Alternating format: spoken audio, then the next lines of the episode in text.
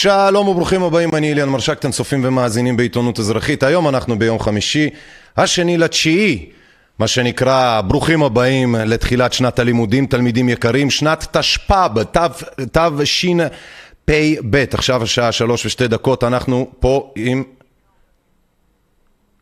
אין שידור ביוטיוב. נו, אז עכשיו את אומרת לי שאין שידור? הבנתי. בקיצור, חברים, ת, ככה, תקשיבו. אני רוצה שתכירו את נורית בן דוד, שלום. מיקרופון? כן. להדליק מיקרופון? בדיוק. יהיו לנו, יהיו לנו היום עוד הרבה פדיחות. הקונטרול, כולם קצת out of set היום, אבל זה בסדר גמור. נורית, מה שלומך? אין בעיה, אני מקווה שלא בגללי הפיגוע הזה, אבל לא, בסדר. לא, לא, לא, לא, מה אה, פתאום? אוקיי. אנחנו נדבר בקול. אנחנו נדבר בקול. ואנחנו נראה טוב. אנחנו נדבר היום על חזרתם של התלמידים לשנת הלימודים. נורית פה תעזור לנו כאם לשני ילדים, אני אין לי כלום. אני לא יכול להתיימר להבין בדברים האלה, אז uh, אנחנו נתחיל היום, אני רוצה שהכנו היום הרבה דברים, וכאמור, תסלחו לנו מראש, יכולים להיות פה איזה שהן ככה אי הבנות או תקלות או כל מיני כאלה, הכל בסדר. בואו רגע נפתח את הגוגל דוק, שמשום מה הוא סגור. למה סגור לי הגוגל דוק? הנה. אוקיי, על המיקרופון, עבדכם הנאמן, שנייה רגע, שנייה רגע קונטרול. על המיקרופון עבדכם הנאמן אילן מרשק ונורית בן דוד כמובן. נורית בן דוד, כמו צ'יקו בן דוד מאבא גנוב צ'יקו? כזה. צ'יקו בן דוד, אבא גנוב, נו. יפה בן דוד. לא, אבל צ'יקו בן דוד, זה אחד הידועים.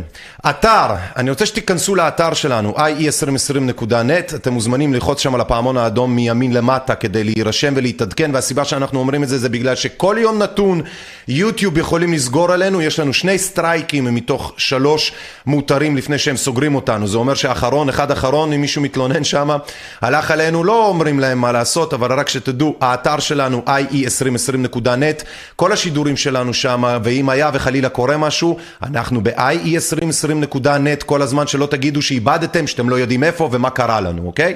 כדי לקבל התראות, פעמון אדום מימין למטה, כולל גם ביוטיוב, יש לכם כפתור, יירשמו כמנויים, תעקבו אחרינו, זה חשוב מאוד. VOD שלנו, video.ie2020.net. video.ie2020.net זה ה-VOD שלנו כדי לראות את כל ההדרכות שעשינו לפני שנה וחצי כדי שתדעו איך להתמודד עם מה שקורה כאן ואת הרלוונטיות של הדברים שלנו ואיך הדברים האלה החלו. ערוץ העדכונים שלנו בטלגרם כמובן, עיתונות אזרחית 2020 הצ'אט וערוץ המבזקים שלנו של עיתונות אזרחית לשירותכם. אתם מוזמנים למצוא אותנו ie2020net, שטרודל ie2020net. אמ, בואו נראה, צ'אט ביוטיוב. תזכרו שמי ש... מה כתוב? שעיתונות אזרחית חסמה אותו? לא, עיתונות אזרחית לא חסמו את הצ'אט. מי שלא מנוי, לא נרשם כמנוי, לא יכול לכתוב לנו בצ'אט של היוטיוב. חשוב מאוד רק שתדעו את זה. אה, אני על הדוק הישן? אמת. לא משנה, זה עדיין הכל רלוונטי, לגיטימי. אמרנו, היום יהיה לנו קצת, היום יהיה לנו קצת בלאגן, זה בסדר, באופן טבעי. יש לנו הרבה מאוד דברים על מה להתמקד. זה חשוב, הכל בסדר, הכל בסדר. אה, כאמור, אני על המיקרופון אילן מרשק, אה, ואמרנו נורית בן דוד, ליברטי עורכת ראשית ויושבת לי בתוך האוזן, לא מפסיקה, אלכסי חוקר ובודק עובדות שלנו, יעקב על הדיגיטל, איתמר על הסאונד, וכמובן דניאל על התחקיר, משה על העריכה. עריכת תכנים. כן, חדש, אנחנו גם בספוטיפיי, אם בא לכם להקשיב בנסיעה, בדרך לעבודה, כשאתם עושים ספונג'ה וכו, כל אה, אה, אה, הפלטפורמות של השמע, כן? אה, אה, כמובן ספוטיפיי אמרנו, אה, גוגל, אה, כל מיני כאלה פודקאסט אה, למיניהם. פשוט תיכנסו, עיתונות אזרחית. אה, ו... אה, נכון, אני רוצה להראות לכם, יש לנו פה slide תרומות. למי שרוצה לתרום, אתם ממש עושים את כל ההבדל בקטע חיובי וטוב. ו... רגע, סליחה.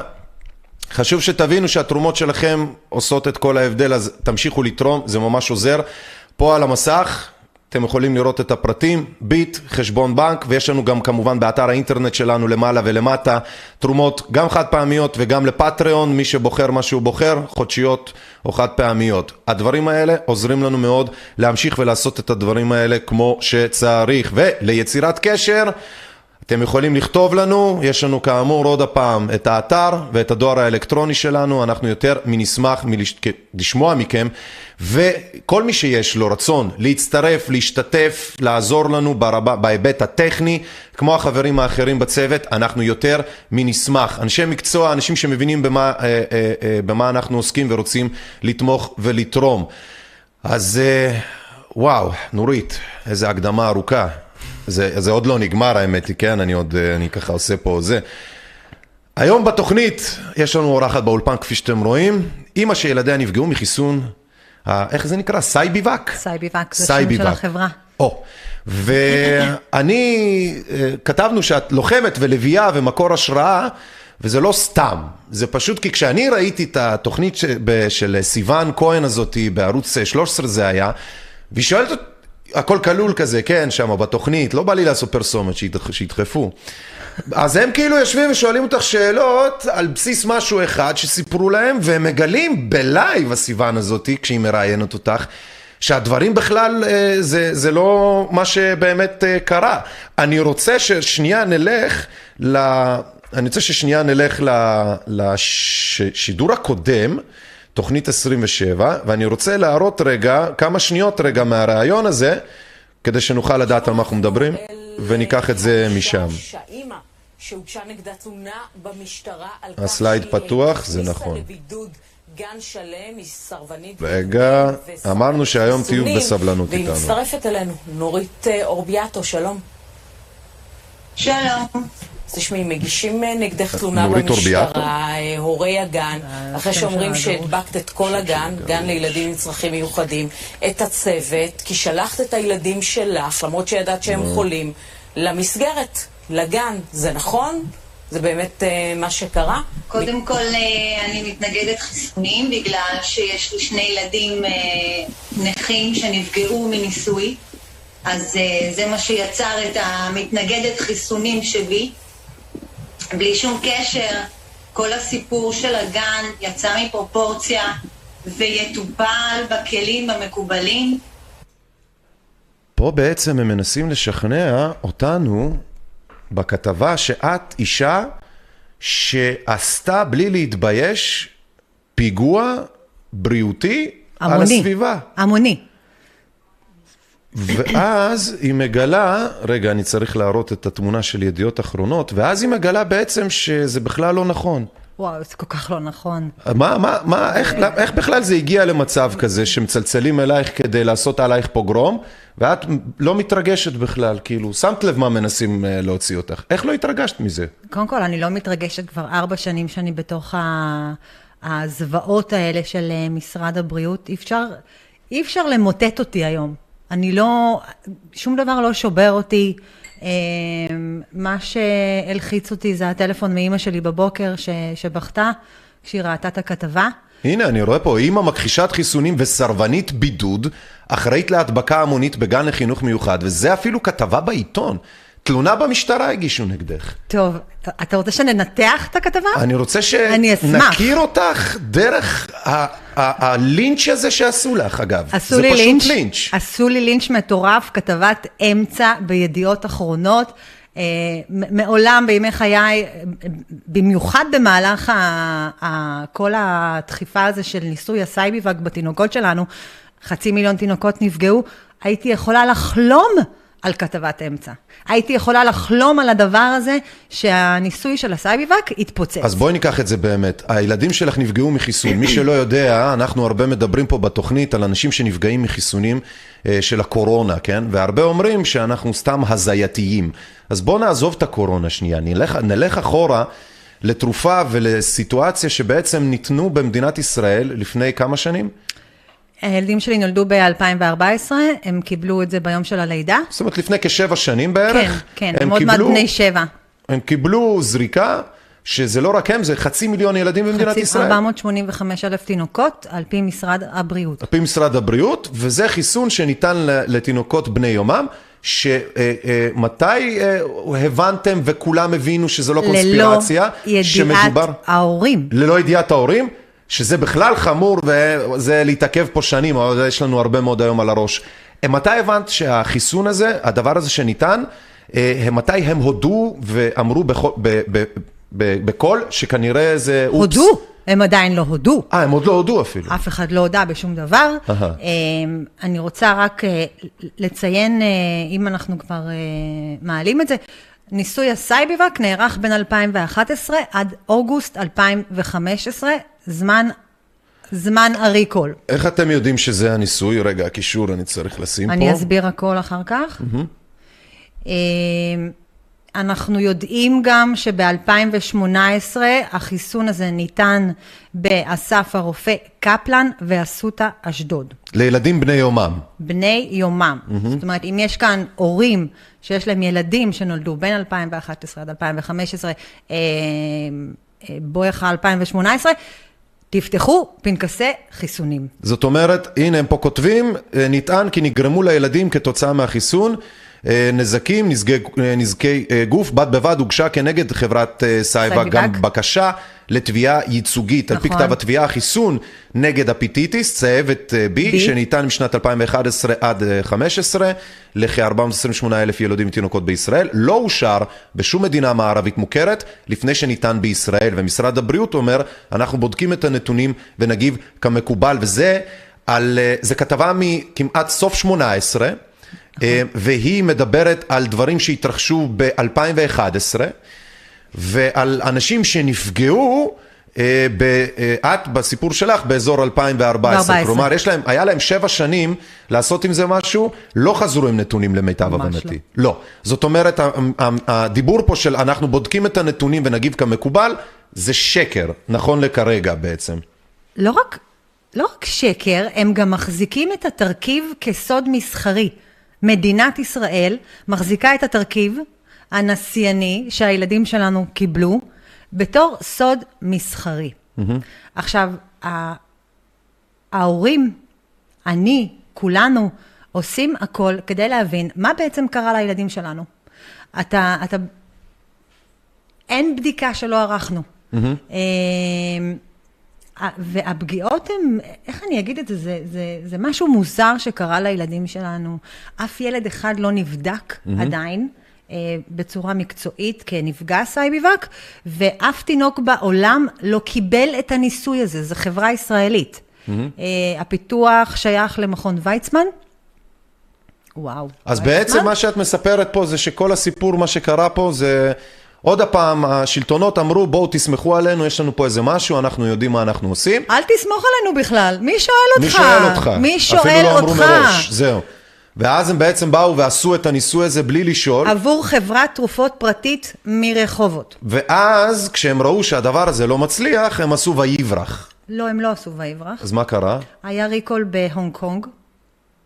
אחרי שהם עשו את זה בישראל, הם העבירו את זה הם, להונג קונג? הם נתנו את זה במלוא הקצב, במלוא השצף, נתנו, מ-2011, אף אחד לא הפריע להם.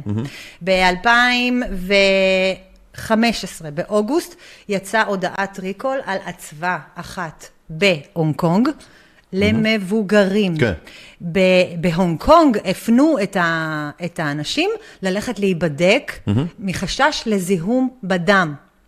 זאת אומרת, כמו היום, שהם אומרים, כשאומרים להם שיש דלקת בשריר הלב ומיוקרדיטיס ו- וכל הדברים האלה, והם אומרים, כן, נבדוק, ואז באמת הם אומרים לך, לא, זה שטויות, אבל על הדרך הם מוציאים אזהרה, כמו ב-FDA, על החיסון של הקורונה, שהם מצאו שיש קשר לדלקת בשריר הלב וקרום הלב. חלש כזה. חלש כזה, כן. אז במילים חלש. אחרות, אלה ניסו להגיד שלא כצעקתה נבדוק, כאילו, כנראה לא, ואז בסוף, במקום להגיד תיזהרו, כן, הם אומרים, אה, מצאנו, אבל אה. אם אתה לא מספיק ערני, כן. אתה לא תהיה מסוגל להבין את ה... אני קוראת לזה הנדסת תודעה. כן. כי במצב שאתה כל הזמן מאמין למשרד הבריאות, אתה תבלע כל דבר טוב, שהם אבל אומרים. זה אנחנו לא נוכל להתווכח, זה הרי ברור לכולנו. זה ברור לכולם. נטיית לב ראשונה אה, כזאת. במקרה שלנו הייתה כתבה קטנה בישראל היום. אם לא פתחת ישראל היום באותו יום, לא יכולת לדעת שהילד שלך קיבל מנות פגומות, אצווה פגומה, אז את, כות- את. כותבת פה, אני רוצה שנקריא רגע, כתבת איזשהו פוסט, אני מאשימה. אני מאשימה את כל מי ששתק ונתן יד בשתיקתו להכנסת חיסון פגום וניסיוני לגוף של הבנים שלי. את כל מי שעמד בשקט בזמן שנרקמו עסקאות מפוקפקות וחברת תרופות קטנה מרחובות מכרה ללא אישור FDA או כל רשות רגולטורית למשרד הבריאות חיסון חדש, ללא ניסוי שלב שלוש, הוזרק לבנים שלי חומר ניסיוני ופגום. אני מאשימה את המערכת ללא איזון ובלמים, את חברי הוועדה שהפקירו את התינוקות שלנו, את התקשורת שהעדיפה לא להתעסק עם מתנגדי חיסונים שחיסנו את ילדם, את השרים שמעדיפים לא לגעת בחומר נפץ של ניסוי המוני בתינוקות בני יומם, ואת הציבור השותק והעסוק בלשרוד את חיי היום יום. אני מאשימה, את כותבת, כי לא נותר מי שיאשים. כי מי שנתן אישורו בשקט לשחיתות בניסוי על תינוקות, שלא יתפלא לפרשות שחיתות אחרות שבאו אחרי. ואחת מפרשות השחיתות האלה, אני רוצה שבאותה אבחה, באותו קול, אנחנו נראה לכם, כן, את מה שאתם כבר מן הסתם ראיתם, זה לא מזמן, מיוני 21, רק כדי לחזק לכם שהאנשים שעסוקים בבריאות שלנו, יותר עסוקים בשחיתות מאשר כל דבר אחר. פה, כתבה מהשישי לשישי 21. החשד לפרשת שחיתות, עוזרו של לימן, אה, ליצמן, נעצר, מנכ"ל תנובה מסר עדות. הותר לפרסום. מוטי בבצ'יק, עוזרו של ליצמן, נעצר על ידי להב 433 יחד עם יועצו לשעבר של שר הבריאות מנחם גשייד. גם מנכ"ל חברת הלובינג פוליסי נעצר. במשטרה ביצעו האזנות ובודקים את נושא סימון המוצרים. החשד? תנובה ביקשה הטבות והעבירה כספים לעמותות של בבצ'יק. לוויינט נודע כי מנכ"ל תנובה, אייל מליס, שאינו חשוד, מסר עדות בפרשה. אני בכוונה, אצלנו, אנחנו שמנו את הדברים האלה ואצלנו נותנים את הדגש על הדברים האלה בדיוק בגלל הסכנה שהורים וילדים כמו שלך חוו, עברו ונפגעו ממנה. את, את לא היית צריכה את הכתבה הזאת של אני- אה, לפני כל- חצי שנה כדי לדעת את זה, נכון? בוא, קודם כל, אני אמקד אותך שיש אדם בשם זאב דולינסקי, הוא יד ימינו של הנשיא ריבלין לשעבר, והוא הוא נחקר, אה, אתה יכול עכשיו לחפש את זה. הבן אדם היה קשור לניסוי ה Sci-B-Vac. ניסוי ה Sci-B-Vac אה, היה, ב- אנחנו היינו שלב שלוש. כל המדינה כרגע בשלב שלוש של ניסוי פייזר. זה, אם מישהו לא מבין, שלב שלוש זה, קודם כל, שלב שתיים זה חיות, שלב שלוש, בני אדם, אבל זה חייב להיות תחת הסכמה, הסכמה מדעת, אתה חייב לדעת מה התופעות לוואי, מה עומד לקרות לך, מה הסכנות. אה, כל המדינה כרגע בשלב שלוש. אנחנו היינו בשלב שלוש כי אנחנו לא ידענו את זה. אה, מה שאני רוצה להגיד, שמה שאנחנו גילינו זה מטורף. זה, אני, דיברתי איתך פעם, אתה לא זוכר את זה. מה לא אתה- זוכר? בטלפון, על הניסוי, מה אתה, לא זוכר? אתה לא בוודאי. הצלחת ל- להבין את גודל האסון. נעשה פה אסון. בשביל מה הבאנו אותך? כי את אם לילדים שכשאתה אין לך את הילדים וזה לא נעשה מאחורי אי הגב אפשר שלך עליהם, להכיל- אי אפשר, אני אי אפילו לא אפשר יכול לדמיין לעצמי. אתה לא יכול יכול. לדמיין אפילו. אתה לא בשביל זה את יכול. פה לעזור לנו להבין, אה, בשביל ההורים אני פה שחושבים ואני שאני... אעזור לך. בשביל שהורים אחרים לא יגידו שמרשק לא יודע על מה הוא מדבר כי אין לו ילדים. לא, לא, לא, לא, לא. אה, בוא, אני, אחשוף לך הכל. החיסון הזה, ניסוי, ניסוי, היה אמור להימכר באפריקה. זאב דולינסקי כנראה לכאורה היה אמור לקבל את הקופון שלו מהמכירה. אנחנו המוצר, הניסוי נעשה עלינו, המדינה השתמשה בילדים שלנו כגוף, כבשר, כן. הזריקה את זה, לא בדקה אחרי הריקול תינוק אחד. אחד. אנחנו, זה עבר בשקט. אנחנו יודעים שהתוצאה, השיטה זהה. כמו גם התוצאות כמעט. זאת אומרת, בחשאי נעשים דברים על חשבון, על, על, עלינו, על חשבון הראש שלנו, ואז כשמישהו מעז לומר איזה משהו, משתיקים את זה במין כאילו, מי אתה בכלל שאתה מדבר? אנחנו עושים לך טובה אה, אם אנחנו עושים את זה, כן? זה בדיוק מזכיר לי את הילדים החטופים של התימנים והבלקן, של תימן והבלקן.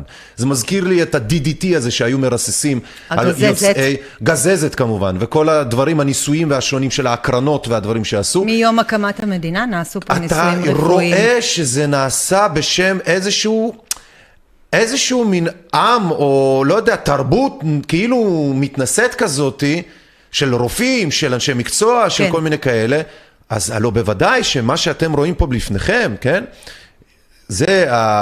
אה, אה, זה חרפה שאין כדוגמתה. כן, זה, זה זה, כן, הנה, האימא שהתעקשה להדביק את כל הגן בקורונה, כן? אני רוצה שתגיד גם מי זה. אה, בבקשה, תגידי לי את, מה? תוריד את זה קצת, אני, שאני אגיד את השם שלו נכון, כי זה הכי חשוב. איתי ברדשבסקי. זה ברשדסקי. ברשדסקי, כן, איתי ברשדסקי. מה, מה, מה, מה זה הסיפור הזה, כן? אתה יודע מי זה? כי שנייה, כי אנחנו כולנו רואים את אותה השיטה, את אותן התוצאות, כבר עשרות שנים, מהיום שעלינו לארץ, עם כל מיני תצורות, כמו שעכשיו אמרנו וזה. איך יכול להיות שלמרות כל הניסיון שלנו, אנחנו עדיין מתווכחים בימי קורונה על אותו הדבר שעושים עלינו, אנחנו אשכרה מנהלים ויכוחים, כאילו זה לא קרה לפני זה. תני לנו בתקציר מי זה האיתי ברשדסקי הזה ולמה זה מעניין אותנו. הוא קשור. ליוזמת אה, מחוסגן, מחוסגן אה, אה, הוא שותף לעדי, אה, זה אני כל לא אלה רוצה להגיד שרוצים- הרופאי, ליאור אונגר, עזבי, עזבי, זה כל אלה שרוצים להיות, מדעת. הרי, זה אלה שרוצים להיות גנים של אנשים, ילדים מחוסנים כן, בלבד. כן, כן, אה, והם בנציגים, במקרה רצה הגורל. כן, כל האנשים האלה הם נציגים של מכון ויצמן, שיש, מדעת. לו, שיש להם שתי חברות אה, תת, אה, נקרא לזה עמותות או תת אה, ארגונים, שאחד מהם זה מדעת, אחד זה מכון דוידזון, ואם ראיתם או לא ראיתם בקורונה, הפלא ופלא, העיקר של המקורות שעליהם נסמכים התקשורת השונה והאחרת, רצה הגורל, זה אלה בדיוק, דוידזון, מדעת וכל מיני כאלה. ואני הרגע אמרתי שמכון ויצמן בחש. בניסוי ה Sci-B-Vac. בבקשה. אז בעצם המחוסגנים האלה, המחוסגנים האלה לא אוהבים אותי. הם למה? לא אוהבים אותי. למה? למה? קודם כל, אני אימא. יש לי מקרה מאוד מיוחד, זה תאומים שנפגעו ביחד. במילים אחרות, במילים, במילים אחרות, רק כדי שאנשים יבינו, מבחינת יחסי ציבור, שיווק או, או יכולת לדבר מול מישהו, לך יש ידע, ניסיון, אה, אה, זה- אצלך בבית, זה לא משהו שהוא הזוי, זה מבדיקות שעשית, זה לא פייסבוק שקראת, או הודעות ששרשרת, ואין להם מה לעשות מול זה, אני את אומרת. מעצבנת אותם. אמ, גם תודה לאל אה, אינטליגנציה וחדות מחשבה ו- ו- וכתיבה חדה, ומאיפה הגיעה האימא הזאת? אשכרה, הם בטוחים שכולם טמבלים במדינה הזאת. מאיפה היא הגיעה? אז מה זה מאיפה ההודעות היא האלה של התעוררה? המחוסגנים האלה? מה אנחנו אה, רואים זה, פה? זה הודעות שלי ברשת שכתבתי, כן. שעניתי, הם, אה, הם אספו, אה, מתנגדת חיסונים, כן. ו, והיא שקרנית. בקיצור, רוצה- הם עשו עלייך קולאז' של הודעות. שכתבת, כן, ואז הם כן, כן. עשו מרקר לדברים שהם אומרים, תראו, הנה היא משוגעת. היא, היא, היא. כן, כי כשאת כותבת כל חיסון פוגע, כפי שאפשר לראות פה בתחתית הצילום, דווקא ההודעות שלי מאוד... אה, אז הם שמו לזה מרקר, כאילו כתבת שם, המינימום צריך לתלות, לרצוח אה, ולעשות דברים רעים למישהו על משהו. כן, אתה מפחד ממני? אני, אני, אני, האמת היא, אני מפחד מכל בן אדם, אני מפחד מכל בן אדם שהוא עושה ההפך ממה שאת עושה, כן? כי מטיפשים זה חבל על הזמן. וואו. אז בקיצור, זה האנשים שנלחמים מולנו, כן? זה האנשים שנלחמים בי, אה, אני, אה, אני, אני עבורם היהלום של המאבק, של ה Sci-B-Vac, כן. ובו מדובר פה על ילדים, כאילו איך אתם מנסים לפגוע בי, באיזה קטע אתם רוצים לפגוע בי, ומה כן. אתם רוצים לעשות לי, כן. כאילו אם אתם שמים כבר את הפצצה ברכב, רק שהילדים לא יהיו איתי, בבקשה, תודה. איזה אשכנזים אה, חלביים אלה, נראה לך הם שימו פצצות חלביים, ברכב. אני, אני לא פריירית. אני לא פריירית. אני מודה, אני הייתי כבשה. אני הלכתי, חיסנתי, הכל. אה, אני בעצם התעוררתי בהתפתחות הילד ברעננה. זה, זה שם הייתה ההתפכחות שלי, היא מאוד כאבה לי, אבל כנראה שיש אנשים שצריכים, שצריכים לקבל את הכאפה בשביל להתעורר.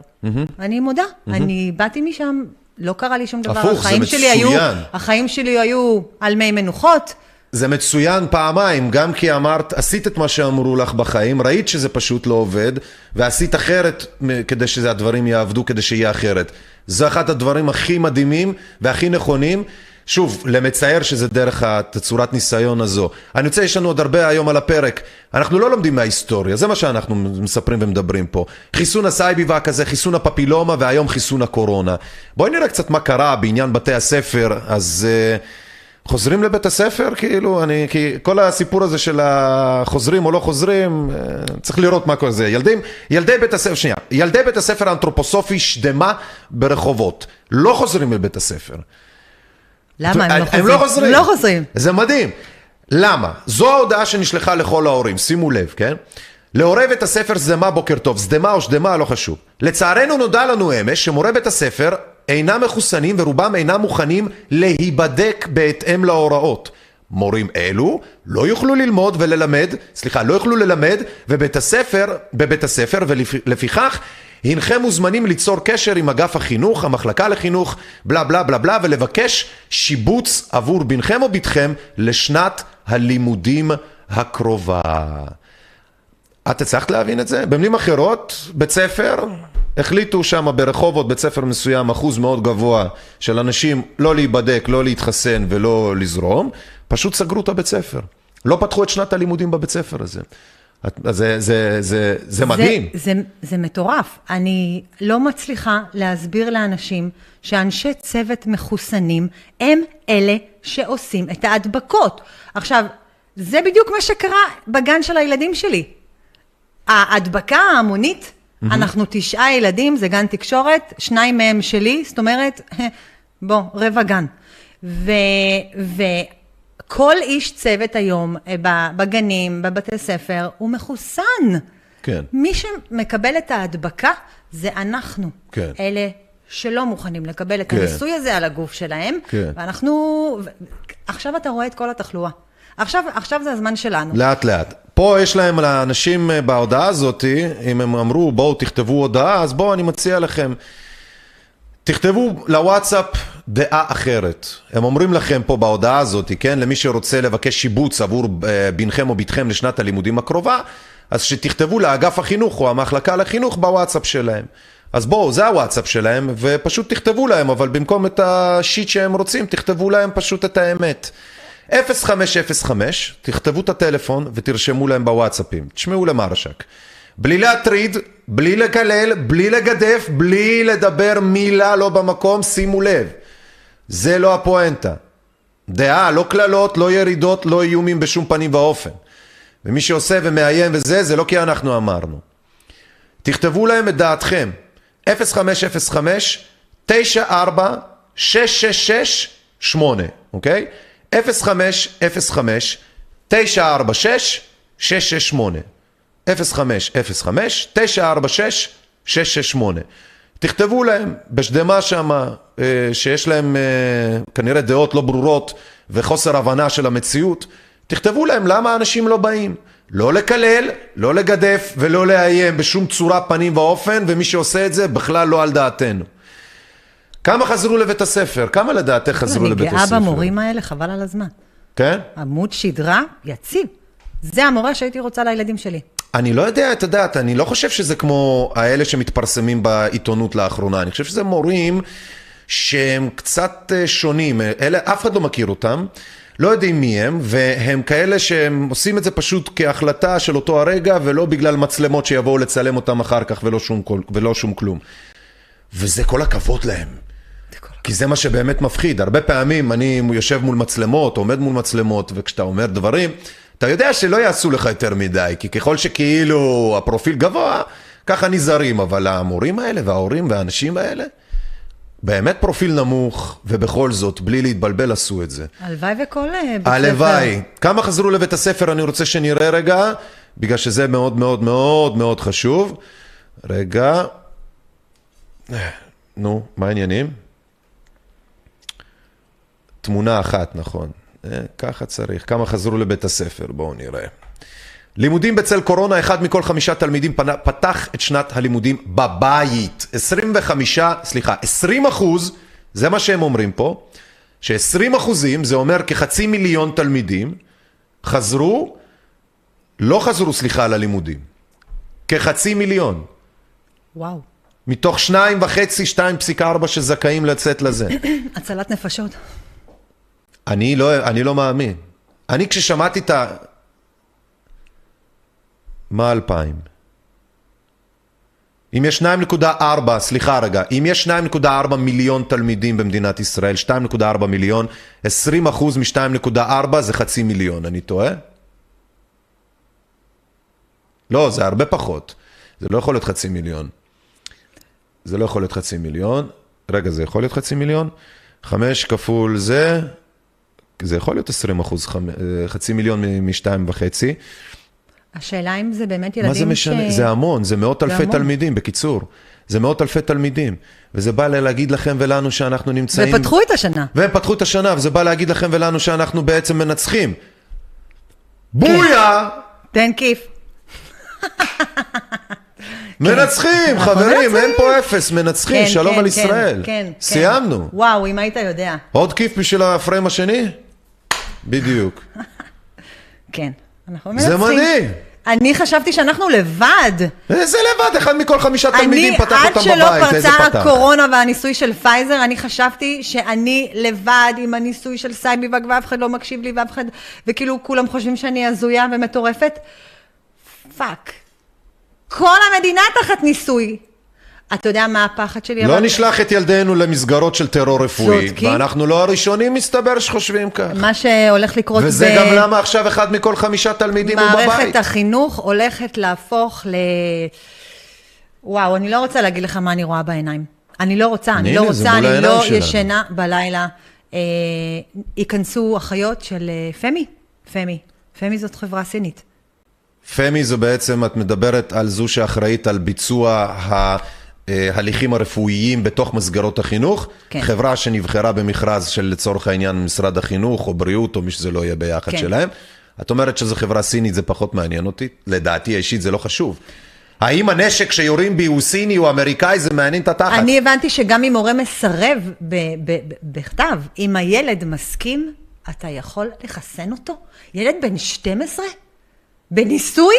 רפואי? הם מקצרים, מקצרים ומעגלים פינות, זה פשוט מדהים. טוב, יש לנו הרבה מאוד על מה לדבר היום, חברים יקרים, למי שמצטרף אלינו, שלום, אנחנו בעיתונות אזרחית, אני עם נורית בן דוד פה, שלום נורית. שלום. אנחנו מדברים, שלום, אנחנו מדברים היום על הילדים שלא חוזרים לבית הספר, כי מי שחושב שחוזרים לבית הספר, היום השני בספטמבר, יש כ-20% מתלמידי ישראל, לדעתי חצי מיליון משתיים וחצי, נכון? זה 20%. כי אם אתה לוקח חצי מיליון, 290, סליחה רגע, אם אחד מכל חמש תלמידים, אוקיי? אחד מכל חמש תלמידים, אה, זה לא 20 אחוז, אחד מכל חמש.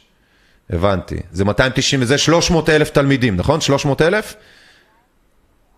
264 אלף. מאות אלפי תלמידים לא הגיעו, לא מוריד מערך העניין, חצי מיליון או לא חצי מיליון. 264 אלף שיושבים בבית ולא נכנסים לתופת הזאתי. כל הכבוד אז מי להורים. שמצטרף אלינו, אנחנו מדברים בדיוק על הדברים האלה, כן. למה אני לא מקריא את הפסקה? אני אסביר לך למה אני לא מקריא את הפסקה, כי יש לי פה את uh, נורית ויש פה עוד הרבה מאוד דברים שאנחנו מדברים עליהם. יפה, אז זה למה אני לא מקריא את הפסקה. אוקיי. יופי. רק 2,000 בתי ספר מתוך 5,000 בתי ספר העבירו דיווחי נוכחות למשרד החינוך. ההערכה היא שמתוך כשניים וחצי מיליון תלמידים בישראל, כחצי מיליון לא הגיעו ללימודים. 250 אלף מתוכם הם חולים, מבודדים ותושבי יישובים אדומים שבהם אין אה, 70 אחוז מתחסנים בכיתה. המשמעות היא שכ-264 אלף תלמידים נוספים לא הגיעו לכיתות מסיבות אחרות. מרשק, תקריא את הפסקה כי הכל כתוב שמה. בבקשה, תודה ל control. לא, אבל אין מה לעשות, אין מה לעשות, תקופה משוגעת החולמניוקי. צריך לדפוק על שולחנות, צריך להתחרבן פה, צריך לדבר עם. אנשים, צריך לצאת מהכלל, לצאת מהפסקאות, לצאת מה computer. לצאת מהבית! סליחה. אתה, בא במוצ"ש? הלוואי, 264 אלף לא הגיעו, חצי מיליון אנשים מנסיבות אחרות. ההורים לא רצו לשלוח מפחדים? אותם, מפחדים, מפחדים? מפחדים. צדקנו. צדקנו, אנחנו פשוט צודקים. כן. כן, עכשיו נתקדם, control, תודה רבה. אז כאמור, מי שמצטרף, שתפו, תעקבו, תשימו לייק, תעשו שתף, אל תתביישו, תעשו מנוי כדי שתוכל, לכת... ביוטיוב כדי שתוכלו לכתוב לנו תגובות, ואנחנו מאוד נשמח שגם תתמכו בנו, וכל התגובות שלכם כמובן, אנחנו נקרא אחר כך, נגיב בהתאם ועניינים. משרד הבריאות הישראלי עושה את הלא יאומן ומאשר נתינת זריקת בוסטר לכלל האזרחים מגיל 12, זה בלתי fucking ייאמן, הם כמו ייאמן. שאמרנו. כמו שאמרנו. אני, אני... מותר ל- לומר, דברי חופשי הנה על העולם, אם לא איפה. הנה על העולם אני רואה שואה. איפה? בנט. אני כתבתי ל... ל... ליד ימינו, או לסגן שלו, לאביר קארה, לא יודעת, כתבתי לו. כמו לפני התראה שהתקבלה פה לפני יום כיפור.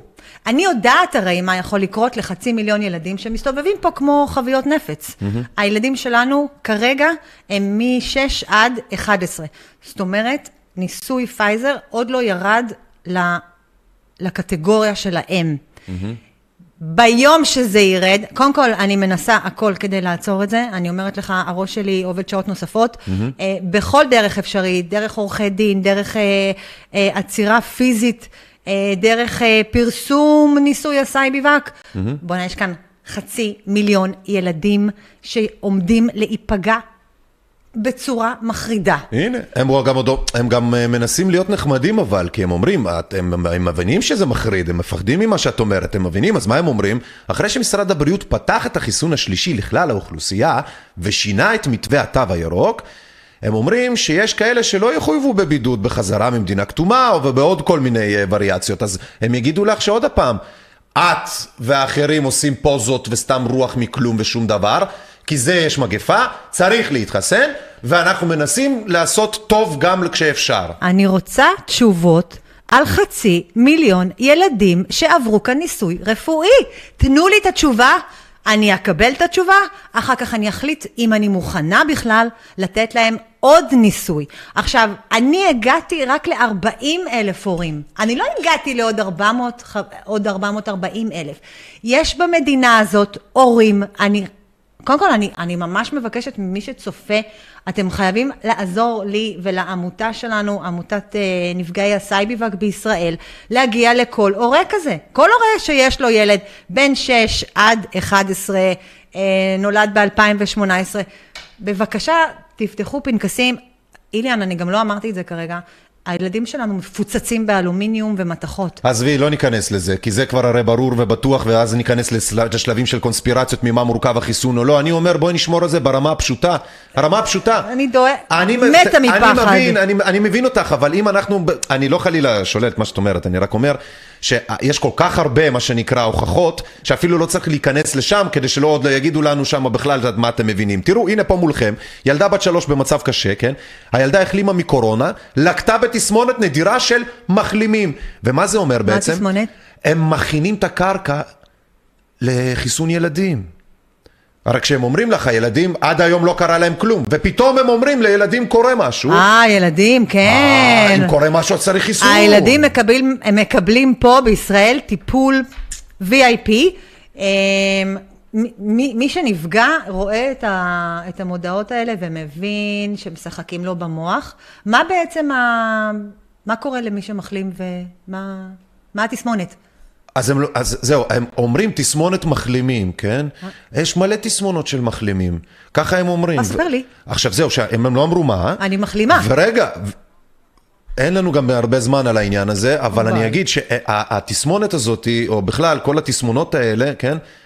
אה, זה ברור שהן יקרו. זה לא נדיר שהן יקרו.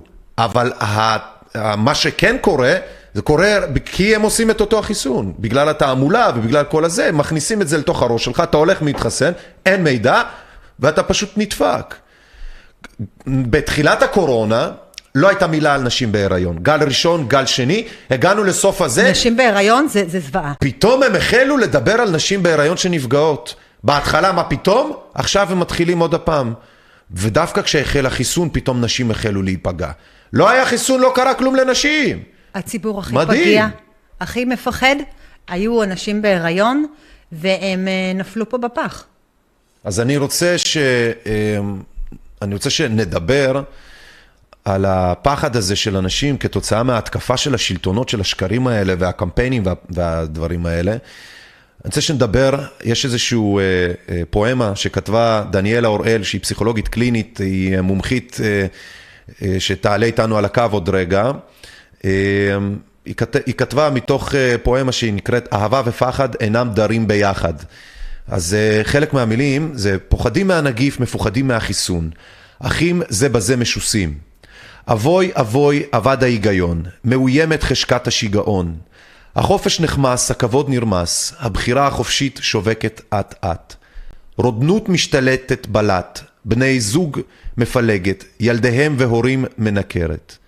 פוחדים מהנגיף, מפוחדים מהחיסון, וכל אחד צודק מנקודת מבטו הוא. ואין, אין מכריע. אני רוצה שנראה איזשהו קליפ, אה, נאזין לכמה צלילים ונעלה את אה, דניאלה אורל על הקו, כדי שנוכל לדבר איתה על אותו הפחד. כבר שוחחנו איתה בנושאים דומים, וחשוב שנשוחח איתה עוד הפעם, כי פשוט אנחנו מעת לעת, בעזרתך גם, אנחנו רואים כמה אנחנו צודקים בעצם, כמה אנחנו צודקים. טוב, אב, אבירם נתנאל, קליפ אה, בשם איכשהו, אני רוצה שנצפה בו ונשוחח עם דניאלה. רגע, זה בקישור, control או ב... אה, נכון, נכון, נכון, נכון, נכון.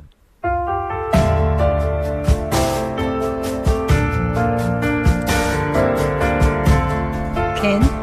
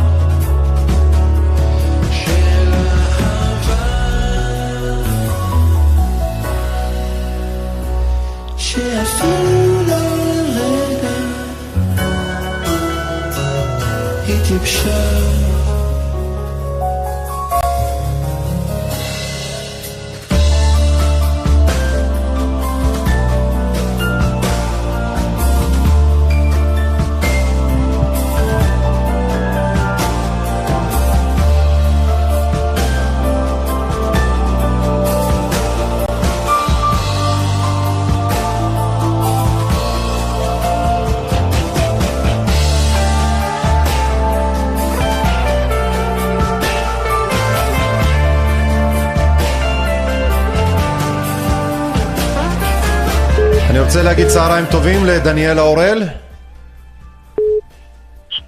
צהריים טובים, דניאלה, את איתנו? כן, אני איתכם, אבל המוזיקה כל כך חזקה שאני לא שומעת כלום. אני מתנצל, קיבינו אותה. אני מקווה שאת שומעת אותנו. עכשיו כן. צהריים טובים, מה שלומך? מעולה, מעולה. אני פה עם נורית בן דוד, אה, אה, אימא לשני ילדים נפגעי חיסון ה Sci-B-Vac לפני אה, שבע שנים. היא איתנו על הקו מאזינה.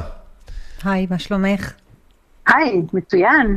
אנחנו מדברים היום על מה שהרבה הורים מפחדים לדבר עליו, וזה שיכול להיות שהתקופה הקרובה, הילדים שלהם יינזקו או ייפגעו איכשהו כתוצאה מכל מה שקורה בניהול הכושל הזה של משבר הקורונה. אבל יכול להיות שמתוך איזה שהם תסמיני חשש חברתי, הם יגרמו אה, לילדים שלהם להיפגע, כי הם לא נוקטים בפעולות וכדומה. תעזרי לנו ולהורים של שנת הלימודים שבפתח, להבין יותר טוב את קבלת ההחלטות שאולי ראוי לעשות אה, אה, לדעתך. אני הייתי נותנת הקדמה קצרה כדי להסביר מה בעצם מתרחש כאן. בבקשה. אנחנו מדברים על הפחדה, והפחדה זה כלי השליטה החזק ביותר בבני אדם. אפשר לעשות עם הפחדה כל מניפולציה שרוצים עם האנשים המפוחדים. זה היה כלי שעבדו איתו במלחמת העולם השנייה, והוא תקף גם היום. ואנשים מפוחדים פועלים, ב... יכולים להגיע לפעולה אלימה. עכשיו, מה שנראה הכי מפריע או, או, או לא, לא סימפטי, זה שבבתי הספר, מכיוון שיש הפחדה כזאת שלא מחוסנים יכולים להדביק את המחוסנים, דבר שהוא מופרך ושקרי ולא הגיוני בעליל. אני לא יודעת בכלל מאיפה מצאו את המשפט המזעזע הזה. אנשים שמצאו אותו צריכים להסתכל לעצמם בעיניים, במראה, ולראות שהם עדיין יכולים לחשוב שהם בני אדם. אבל הם אלה שבעצם יצרו את ההסתה הזאת וגרמו לאדם לאדם להיות זאב. עכשיו, כל ילד יבוא לבית ספר עם הבית שלו. עם מה שההורים חושבים, עם ההסתה, עם. זאת אומרת, יהיה בלאגן ברמות ש... זה, זה באמת לא יהיה קל לילדים לעמוד בזה, אי אפשר אפילו לדרוש מילדים לעמוד בזה. כי אנחנו מדברים פה על תעמולה שקרית ומסוכנת שנוגדת את ההיגיון הבריא, אבל היא יוצרת אלימות, סכסוך, הסתה, שיסוי, ש... ואנשים במצב של פחד נוטים לקבל כל מה שאומרים להם, אין להם שיפוט, אין להם שיפוט. הפחד מסלק את השיפוט, את ההיגיון הבריא. אז מה לכן- שאנחנו מבינים היום, למרות שיש פחד ולמרות שהדברים האלה באמת קורים, הוא משתק הפחד הזה. עדיין יש לא לה- אפקט של חצי מיליון תלמידים שהחליטו שלא, שמשהו שם פשוט לא יעבוד. כי הם חולים, זה- כי הם... הש- השאלה אם זה התלמידים או ההורים אה, החליטו על זה, והילדים האלה יצטרכו לעמוד במקום, אפילו יכולים להיות חרמות, יכולים להיות כל מיני דברים, הם יכולים לעמוד במצבים פסיכולוגיים מאוד מאוד מאוד לא פשוטים, כן? כן. זאת אומרת, צריכים לתת להם את כל הגיבוי בבית, להסביר להם, לעודד אותם. אני, באמת, ברמות ש- שלא יאומנו. הנה, אני, אני, אני, אני, אני, אני רוצה לתת דוגמה אפילו, ברשותך, דניאלה. אני, אני חושב שנורית תוכל לה- לה- להגיד, לדבר אפילו בשם עצמה. מה, נורית, אני שואל את נורית פה, מה גרם לך, נניח, כן, לעשות את המעבר הזה מלסתום את הפה ללפתוח את הפה ולהגיד ולשאול, ולמרות כל הרוח הנגדית הזאת של משרד הבריאות ושליחיהם, מה גרם לך לעמוד על שלך בכל זאת? למרות שזה מפחיד לעשות דבר כזה, לעמוד על שלך. קודם כל, אני אימא, ואני צריכה להגן על הגורים שלי. זה, זה א' ב', זה, זה חוק אה, ראשון בטבע. עכשיו, גם אנחנו, כמו אחיות, אנחנו חייבים לעשות את זה. אנחנו חייבים להרחיק את הפחד. אין בי פחד, לא, בי אבל אין בטח היה לך. בהתחלה, בואי. מה היה שם עכשיו- בהתחלה? עכשיו אני מפחדת. לא עכשיו, אז אה, בהתחלה, אז- בהתחלה, מה או, היה קודם כל? אנחנו עם אה, מאוד צייתן, אנחנו אזרחים טובים, אנחנו שנים של אה, אה, סגידה למולדת, צבא, אנחנו, קשה לנו מאוד להבין מה זה בכלל לא לשלוח את הילד לבית ספר. מה זה לא לשלוח? יש בית ספר, אבל בבית ספר טמונה הסכנה. ואני אני כל הזמן מנסה להחדיר להורים שבקבוצה שלי למשל, אל תפחדו, פשוט אל תפחדו, את קומו. פחדת אבל באיזשהו שלב. אני פחדתי, אז אבל... תתארי לנו את הפחד הזה, זה מה שמעניין אותי. אני, אני היום, אני היום לא היום? לא. אז. אז, אז לא נחשפתי ל, ל, ל, לטרגדיה כזאת, אף אחד לא נחשף. זה ממש רודפים אותנו. זה לא היה ככה. מה היה בנקודה ההיא שהחלטת שאת, שאת מפסיקה לפחד? מה היה הפחד שאותו שינית? מה כל- היה הנקודה? פחדת שהבעל יגיד משהו, ש, שהבית ספר יגיד משהו, שהעבודה, ש... מה, מה היה הפחד לא שמנע ממך? פחדתי בשום מקום, ועשיתי בעיות בכל מקום. מהרגע הראשון. אה, כולם אה. שמעו אותי. אז את דוגמה גרועה, את, אמ, כל כך אמיצה שאת דוגמה גרועה לאנשים פחדנים. זה לא עניין, זה לא עניין של לא, אומץ. זה טוב, זה. ללכת למנהלת ולהגיד לה, אוי ואבוי אם ייגעו בילדה שלי. כן. וללכת למזכירה, אוי ואבוי אם ייגעו בילדה שלי, כן. כשאני לא יודעת ואני בבית. ממש לה- להכין אה, קו הגנה, לשמור על הילדים, לא רק בטופס בנייר, להרים טלפון, אני פה. אני בעל הבית כן. של הילדים האלה. לא כולם עושים את זה, זה... דניאלה, הפחד של חלק מההורים הוא הרבה יותר קמאי, והם מפחדים לקום. יכול להיות שפשוט זה עניין של אה, תרבות?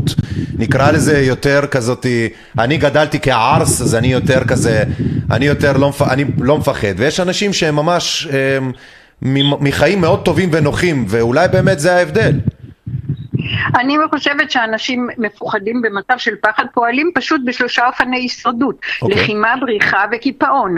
עכשיו, לחימה גוררת אלימות מסוכנת, ובריחה יוצרת הימנעות. ורצון, אה, והקיפאון יוצר את ה... אוקיי, בוא נעשה, נעמוד במקום ולא נעשה כלום. עכשיו, את האלימות הזאת, או את הלחימה הזאת, אפשר ל- ל- ל- לרתום גם באופן חיובי. בואו אנחנו נרתום למטרה של להסביר, להגן, להגיד, לא לאפשר, להיות ממש על המשמר, ולא חשוב מה יהיה המחיר. זה, זה חלק מהלחימה, אבל יהיו כאלה שיבואו מהצד השני עם, לח... עם אותה לחימה, אבל אלימה. מה זאת אומרת? את לא תעשי ככה, את לא תעשי, את מפחידה, את, את גורמת לילדים שלנו להיות חולים, את גורמת לכל הארץ להיות חולים.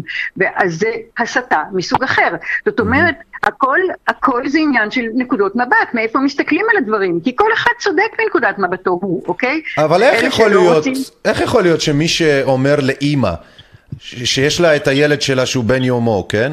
איך בכלל למישהו מבחוץ יכול להיות מצב בכלל say, אמירה כלשהי ביכולת שלה או בבחירות או בהחלטות שלה?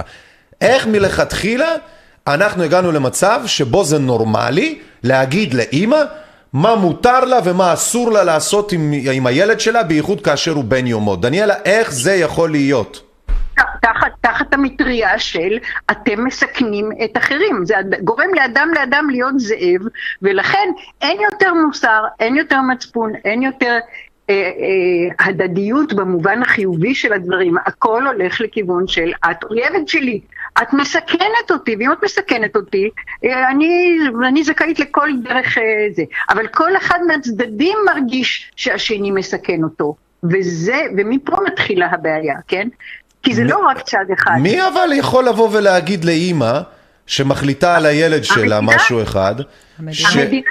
אבל איך הגענו המ- למצב כזה שאנחנו מקבלים את זה בכלל כ... כ... מי, מי, בכלל... מי זה המדינה הזאת בכלל? כי, כי, כי אנשים במצב של פחד נוטים לקבל כל מה שאומרים להם, וברגע שמישהו אומר, אני פרופסור, ואני אומר לכם שהלא מחוסנים מאיימים על המחוסנים, באותו רגע אנשים מצטטים את זה, מאמינים בזה, ומשוסים, מאותו רגע זה נגמר. כי יש טייטל שקובע, אני פרופסור.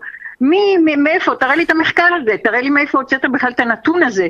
אבל אנשים משתכנעים מכל נתון שנותנים להם בטלוויזיה. עד כדי שהם עושים החלטות בחוסר היגיון. במילים אחרות, משרד הבריאות ממש מתעקש שלא משנה מה ההורה לקראת שנת הלימודים חושב, יודע או כל מיני כאלה, משרד הבריאות יודע יותר טוב, ומי שלא מקשיב למשרד הבריאות הוא לא רק בן אדם עם דעה אישית, אלא הוא ממש בגדר פושע נגד האנושות, ככה הם רוצים לצייר אותנו. איך זה- כן, קיבלנו על מסכן. עצמנו איך קיבלנו על עצמנו שמשרד הבריאות הפך לאוטוריטה של איך לגדל פה בני אדם? אה, זה קרטל. שבני האדם המגדלים את הילדים שלהם הפכו להיות הילדים של משרד החינוך בבחינת המטומטמים שצריך להגיד להם איך לעשות. איך אנשים יכולים להיות כמו נורית ולא לפחד? דניאלה, טיפ קטן, איך להיות כמו נורית ולא לפחד. תכף נשאל את נורית. איך מה? איך להיות כמו נורית פה לידינו, נורית. נורית, ולא לפחד? אני לא מבינה מה שאתה אומר. היא ג'אדאית, עומדת על שלה, איך אחרים יכולים לעמוד על שלהם בלי לפחד. איך לשחרר את הפחד שלהם. כן. אני גם יכולה לא- לענות, כן. תעני, תעני, כן. אה, אני נולדתי, זאת אומרת, כל אחד אם הוא יחזור אחורה ל- ל- לילדות שלו, הוא יגלה אם הוא, אם הוא היה אדם, ילד מרדן, אם הוא היה אחד כזה שמתווכח על כל דבר, דעתן, אה, איזה סוג של ילד הוא היה, איזה חיים הוא עבר. אני, החיים שלי לא היו פשוטים בכלל, אני איבדתי את אבא שלי בגיל 14, אגב, הוא היה גם אה, מילדי הגזזת, אה, אני גיליתי את זה רק לאחרונה, ואני חושבת ש... זה תהליכים שאתה עובר בילדות ובונים אותך כרגע למלחמה שקורית, מתרחשת בימים אלו, ב, אני אומרת לזה, בגלגול שלך. זה מה שאמרתי, תרבותית, זה נשמע קצת כמעט כמו מי שכשהוא עלה פה פליט או מהגר, או חווה איזשהו משהו באמת סבל קיצוני רציני ובנה את עצמו פה מאפס, כאילו הוא יש לו את הכלים. האחרים, שהכל ניתן להם כמו ברמת הטרמפולינה, כן? אתה לא נופל, אתה מה שנקרא פוגש את הארץ, אתה פוגש את האדמה בשקט, בנוחות כזה, כן? אין נפילות. ואנשים שלא חווים נפילות, נכון. כשאומרים להם מה לעשות, אז הם בטוחים שאם עד היום זה עבד, אז זה יעבוד לתמיד. נכון. דניאלה, באיזה שלב בחיים שלו בן אדם מחליט שהוא נוקט, לדעתך, שהוא נוקט בפעולות גסות, בלי לעבור את כל התהליך. איך, איך, איך, איך זה קורה שבן אדם זה? רק אלימות ישירה? כשהוא נפגע מהמערכת. זה בדרך כלל קורה בגיל ההתבגרות, כשהילד מרגיש את האוטונומיה של עצמו, שהוא יכול לחשוב בצורה אחרת, שהוא יכול לדבר בצורה אחרת, שהוא יכול אה, להיות שונה מהמשפחה שלו אפילו, או, או לחשוב אה, שהוא לא רוצה להיות דתי, או כן רוצה להיות דתי, או לא רוצה, כל דבר שבאופן עקרוני הוא פתאום חושב באופן אישי ולא את מחשבת העדר. ו... אבל לא כל אחד עובר את השלב הזה, ואנחנו כעם, אנחנו עם פוסט-טראומטי. אנחנו כולנו עם יוצאי שואה, או רובנו בוא נגיד, לא כולנו, אבל רובנו. נכון, כן. ושואה, ושואה זה אומר, תעשו מה שאומרים לכם, מפני שאתם תמותו אם לא. והפחד מהמוות הוא כל כך גדול פה בארץ, שזו הארץ היחידה שכולם רצו לעשות חיסון כי הם פחדו מהמוות. בארצות אחרות שואלים למה בישראל רצו לעשות כל כך מהר, כל כך הרבה אנשים חיסון? כי אנחנו בפוסט טראומה. ו- וזה לא פשוט לנו לצאת מה... מהמחשבה כן. שהממשלה שלנו הולכת נגדנו, לא פשוט לנו. זה לא לא זה פשוט, העניין, זה, לא, זה העניין. זה אפילו לא, זה, זה, זה ברמה של טראומה. כן. לא פשוט, זה כמעט כמו, לא יודע, איזה פרויקט שלא עובד לי, לא הולך לי וזה. זה טראומה ממש, שאתה רואה ראש ממשלה אחד הולך, עושה את משהו אחד, הולך, בא אחריו אחד אחר, עושה את אותו הדבר, את אותם העניינים. אין אופטימיות. אפילו- אפילו יותר גרוע. אבל כן, אבל באופן עקרוני, זה, טר, זה טראומה נורא חזקה, אבל אנשים לא רואים בזה טראומה, כי אנשים נמצאים בתוך הפחד, וכשאתה נמצא בתוך הפחד אתה לא רואה כלום. העולם סגור בפניך. אתה לא מפעיל מחשבה, אתה לא מפעיל היגיון בריא, אתה לא מפעיל שום דבר. הם פוגעים גם, הכל- גם, גם באחרים. בפחד הכל נעלם.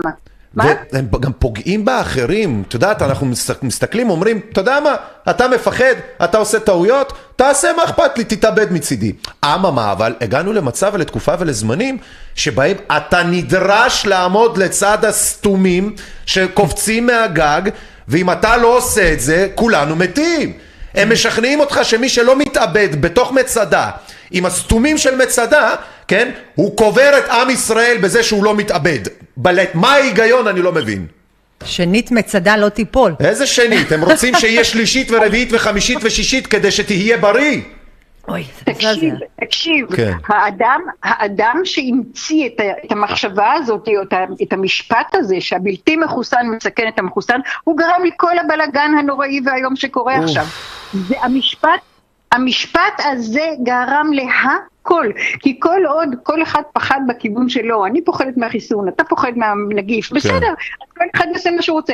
ברגע שהמשפט הזה תפס כמו אש בשדה קוצים, מאותו רגע כל אחד יסתכל על השני, אתה, אתה בעצם מאיים להרוג אותי, אתה האויב שלי, אם אתה לא תשנה, אז... אז אה, אה, איך אומרים ביהדות, הקם להורגך, השכם להורגו? כן. כן, זה ככה, זה ככה נתפס. הבא לך לא לשכנע. הבא לך שנך, השכם לך אבל. זה יכול להגיע לאלימות. זה- לא זה, יכול- לאלימות זה- פיזית, זה יכול להגיע לאלימות אחרי הכתבה שהייתה עליי בעיתון. אם היה מספיק מישהו מספיק משוגע שהיה מאמין למה שכתוב שם, הוא היה יכול לבוא ולאתר את הכתובת שלי ופשוט לפגוע בי פיזית. נכון, נכון, לא רק זה, לא רק זה, מכיוון שהופך להיות כאן רוב מול מיעוט, אז הרוב מנצח, זה לא יעזור אם, אם המיעוט הוא בהיגיון או לא בהיגיון, או, או הוא, הוא חושב נכון או לא. הרוב יש לו כוח כן, אדיר. כן. כמו שלפחד יש כוח אדיר, לרוב יש כוח אדיר. אז דניאלה, עכשיו, ברגע למ- שרוב משוסה, מה? סליחה, תמשיכי. ברגע שהרוב משוסה, ברגע שרוב מפוז... משוסה על ידי תעמולה שקרית ומסוכנת, אז הרוב מתחיל להיות מסוכן. בהחלט, בהחלט. תגידי, אה, אין פה. ל- לילדים בכל זאת, כי בזה עסקינן, לעניין אבל של זה חזרה. לא הילדים, לא אילן, זה לא הילדים. רגע, שנייה. זה. ההורים, זה לא ברור, הילדים. זה ברור לי, אבל אני כן רוצה להסתכל על הילדים, כי אני לא מוכן לקבל את זה שההורים הם האחראים הבלעדיים על הילדים. קודם כל כי הוכחנו שלא. לא מוכנים לקחת, ומה הם רוצים אחריות לקחת, משרד הבריאות והחינוך והממשלה לא נותנים להם, אוקיי? אז נשים את זה רגע בצד. הילדים, עכשיו שהם נכנסים לשנת הבית ספר, התיכוניסטים, אלה שכבר יש להם איזה, מה שנקרא, קצת טיפה ניסיון, קצת ידע, והם עוד רגע יוצאים לחיים הבוגרים. מה תתני להם עצה? כן? שהם יכולים אה, אה, אה, להבין מהצד שלהם כנוער, על הצד שלנו כבוגרים שלכאורה מנווטים כאן, כדי שהם יבינו את תמונת המצב. תני לנו משפט לנוער. ילדים, אל תסתכלו כרגע, המבוגרים לא יודעים מה הם עושים. או ההפך, מה, מה לדעתך? תגידי להם איזשהו טיפ כזה או אחר לקראת השנה החדשה. והמצב שבו אנחנו נמצאים. אתה לא כל כך יכול לתת להם טיפים, משום שבדיוק כמו שאתה רוצה לשכנע אותם בעמדה שלך, מישהו אחר רוצה לשכנע אותם בעמדה שלו. בואי ננסה, אנחנו אפילו לא מנסים. ואי אפשר כאן להפעיל את ההיגיון הבריא, מפני שההיגיון הבריא נפגם, הוא לא קיים יותר. בואי ננסה. אנחנו נמצאים בעולם שקרי מאוד. דניאלה. יש לנו בצוות שני להאמין? נערים צעירים וחדורי מוטיבציה, בני 16 ו-18, שעושים עבודה מדהימה, ואם הם הגיעו אלינו כדי לעשות את הדברים, אני משוכנע שיש שם עוד אנשים טובים ונבחרים כמוהם. תני לנו משהו חיובי, או לא יודע, משהו אחר. כמו שיש את המשפטים האלה, נכון? ביד ושם, הסבתות שמספרות על השואה, איך הם, ב, ב, איך, איך הם ניצלו בעצם, סיפור, יש סיפורים כאלה, שהם נסעו ברכבת, וההורים שראו הזדמנות שניתן לקפוץ מהרכבת, אבל הם, הם לא יכלו וזה רק הילד יכל, זרקו אז הם הילד. זרקו את הילד, ושנייה לפני שהם זרקו את הילד מחוץ לרכבת, הם נתנו לו איזשהו משפט לחיים. משהו שלא משנה מה, תזכור אותו ולא תשכח. דניאלה, תני לנו משפט כזה לחיים. הדבר היחידי שאתה יכול זה תמיד לסמוך על הלב שלך, לא להקשיב לראש שלך, לא להקשיב למה שאנשים אומרים לך, אלא לסמוך על הלב שלך. על, הלב שלך תמיד יגיד לך מה הדבר הנכון לעשות. בא לי לתת לך חיבוק ענק, עד כמה שזה נשמע אמיתי ונכון. כן, זאת, זאת התשובה הכי הכי נכונה. כי רק הלב שלנו מנתב אותנו נכון. כמו שאמרה הבחורה, לא זוכרת איך אמרת שקוראים לך? נורית? נורית. נורית, נורית, אז כמו שאמרה נורית, אני אימא ובטבע האימהות אה, מגנות על הגורים שלהם. היא באה מהלב, היא לא באה מהראש, היא באה אומרת, הלב שלי לא ייתן שהם יעשו משהו רע לגורים שלי. אז זה מה שהלב אומר, ואם תקשיבו תמיד ללב ותהיו בתוך הלב, אז לא תלכו לאיבוד. הוא, הוא ה-GPS הנפלא ביותר שקיים. נורית, מה את אומרת? את צודקת. אתה בקול, היא לא שומעת. קודם כל, אה, את צודקת, וזו אמת פנימית שחייבת להיות אצל כל אחד ב- אמת. ב- בנשמה שלו. אה, אמת פנימית, עזבי אותך, כמו שאמרת, יש מי אמת, שגדל לזה, יש מי אנחנו שלא בעולם גדל. השקר, אנחנו חייבים להגן על האמת, אה, חייבים לעמוד לצידה. אני מקווה, מקווה שהשיחה שלנו תפתח לבבות, ואכן, דברים אני הייתי יקרו. רוצה שהיא תפתח את התחת לאנשים, לא לבבות, שתפתח להם את אוקיי, התחת. כל מהלך ההיסטוריה, מי שהציל את עם ישראל היו בודדים, אל תשכחו את זה. אמנם אנחנו מיעוט, אבל אנחנו מיעוט חזק. חזק, וזה האנשים הנכונים. דניאלה אורל, חזק, חזק, חזק, ונתחזק. אמן, אמן, אמן. דניאלה אורל, פסיכולוגית קלינית, אני ממש מודה תודה לך. רבה. ממש ממש מודה שנה לך. טובה, שנה טובה ומלאת אהבה לכולם. תודה. אמן, בשורות אמן. טובות, תודה, תודה. אה, חברים יקרים, אני רוצה להגיד תודה כמובן לדניאלה על השיחה הזאת המדהימה. נורית, אז אה, הבנתי עכשיו באמת מהשיחה הזאת שזה מאפיין ממש להיות מישהו עם ביצים שעומד על שלו, זה משהו שהוא לא מגיע ככה בגלל קורונה, לא קורונה או כל מיני כאלה. זה צריך פה, כמו שאת אמרת, להיוולד עם קריזות ועם עצבים ועם סיטואציות. כבשה כדי- שחורה, אבל כבשה תמיד הייתי. שחורה, אוקיי. תמיד הייתי. מהמם. אה, כבשה שחורה, וזה לטוב ולרע. כרגע זה לטוב, כי אני באמת שומרת עליהם, ושומרת באמת- בעצם על, על כל הילדים שלנו, של הקבוצה. זה חצי מיליון, זה, זה דור. חצי מיליון, גם יש את החצי מיליון עכשיו שלא הלכו לבית ספר, או חצי מיליון שאיך שלא הופכים אותם חולים, בודדים, מבודדים, שלא רצו, שלא יכלו. זה עוד חצי מיליון. זה שהם דור. נפגעים, הרי תשימי לב, בלי אפילו, עם המזרק או בלי המזרק, זה לא משנה. הם נפגעים הלכה למעשה מכל מה שקורה כאן עכשיו. פשוט מדהים. מדהים לראות לימים, את זה. לימים הם יבינו שההורים שלהם שמרו והגנו עליהם מדבר מאוד נורא, מנורא- מאסון. יבוא היום והם יעריכו את זה, לא כרגע, הם עדיין ילדים, אמת, לא בטעות, ה slide הזה הוא לא בטעות. ה slide הזה הוא לא בטעות, אין טעויות כשאנחנו שמים סליידים כאלה. אה, פינתן, לא, זה חשוב מאוד שאנשים יתמכו, שאנשים יתרמו, שידעו שאנחנו לא עושים שום דבר בטעות. אה, אני מאוד אהבתי מהשיחה עם אה, דניאלה את האמירה הזאת של, של באמת, אם יש משהו אחד שחשוב שאנשים יבינו, זה שבסוף מה שהלב שלהם מרגיש, כן? שהם יעשו. ואני יודע, בלב שלי, שרוב האנשים, ואני משוכנע בזה, רוב ההורים שחיסנו את הילדים שלהם או כל הקשקושים האלה, הם עשו את זה למרות שבלב שלהם הם הרגישו משהו אחר ורצו משהו אחר. כן. הם חששו. חנקו את האינטואיציה. ככה זה מרגיש. כן. טוב, חברים, מי שמצטרף אלינו, שלום וברוכים הבאים. אתם רואים פה את הסלייד של התרומות, אתם יכולים לתרום, אנחנו מאוד נשמח. כמובן, את הסלייד של היצירת קשר, למי שרוצה ליצור איתנו קשר, לכתוב לנו, לדבר איתנו. אמ, רגע, כן, אוקיי, אז אנחנו, כאמור, יש לכם את היצירת קשר, יש לנו את התרומות, אנחנו מאוד נשמח. תכף אנחנו, בחצי אנחנו נדבר עם אה, מני נפתלי, אב הבית אה, לשעבר של בית אה, ראש הממשלה. בינתיים אנחנו, רגע, יש לנו פה, אה, כן, אוקיי. אנחנו נשים איזשהו וידאו? נשים, כן, טיקי דהרי. דודו ומאמה, חברים יקרים, יאללה, זוכרים דודו ומאמה אלופים. כפרה עליהם? כן, שנייה, רגע, אני אשים את ה slide, אני אזיז את ה slide הזה ככה, יופי. דודו ומאמה כפרה עליהם עושים עבודה מדהימה, בציניות הנכונה, בטוב טעם. טיקי דהרי, בואו נשמע, נראה, נאזין ונדבר אחרי. נשים את המיקרופונים על אה, מיוט שלא נפריע להם.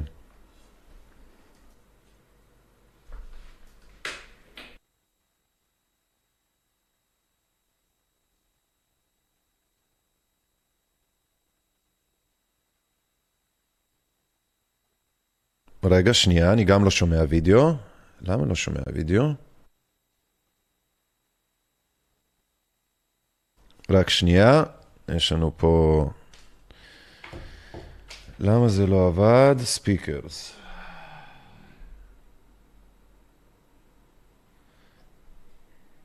אוקיי, בואו ננסה עוד הפעם. לא, אין סאונד ל... אה, אין סאונד לאימא שלי, אין סאונד מטומטם. יאללה, טיקי דהרי.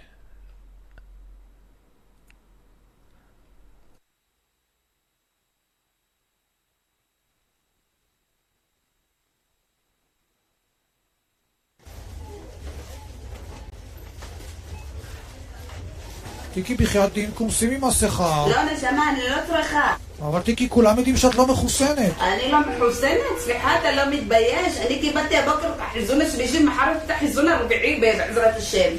מה זאת אומרת? זה לא הגיוני, אני לא מאמין אין סיכוי שלקחת אפילו את הראשון. נשמה, בנט אמר עדכון גרסה. לפני שאתה קונה אייפון 8, אתה מחויב לקנות אייפון 1, 2, 3? עכשיו אני בכלל יש לי מוטורולה. מחרתיים חיסון חמישי, למה אני נמצאת בחיכוך מת- מתמיד עם חולים? איזה חולים טיקי? את סייעת, נו אני באמת. גננת, ואני כל הזמן בחיכוך עם חולים.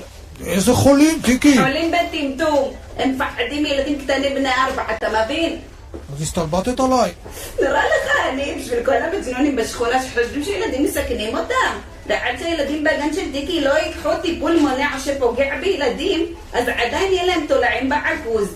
הילדים בגן של דיקי אוכלים בריא, ילדים בריאים. אז מה יעשה מי שנדבק? אנשים חוששים. מי שסובל מתולעים שיתחיל לאכול שום וכורכום. אישה בת 70 מאשימה את הילדים בגן של טיקי, אתה מאכול בריא. אני מזהה את האנשים שהולכים לקחת טיפול תולעים פעם אחת ועוד פעם ועוד פעם, וזה לא מבריא להם את הדקדוק בתחת.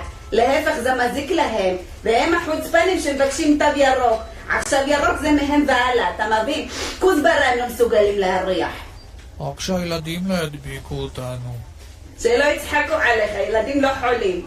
אף אחד לא מתקרב לילדים בגן של טיקי, יאללה תרשום לי. תהיי לי בריאה, טיקי. טפו חמסה עליי, אני עוד אקים בית ספר, להתראות.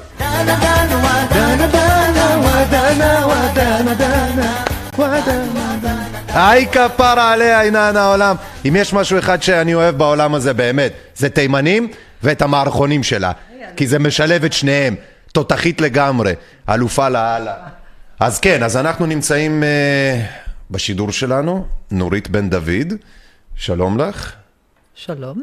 אנחנו עושים שידור על כל הילדים האלה שחוזרים לבית הספר, ורבים מהם לא חוזרים לבית הספר, כן? אז אנחנו חשוב שנדגיש את הדברים, כי היום במציאות של ימינו, לא כולם אה, מוזמנים ל, ל, ל, למסיבה. למסיבה, לדמוקרטיה. לדמוקרטיה, כן? הם לא כולם מוזמנים, אתם לא חלק מהחגיגה. בפינתנו החדשה, מיצו את ההבדלים. בואו נראה איך אפשר להעביר את אותו המסר בצורה הפוכה. 75% מהחולים במצב קשה, מעל גיל 60, חוסנו לפני יותר מחצי שנה. זה כתבה אחת.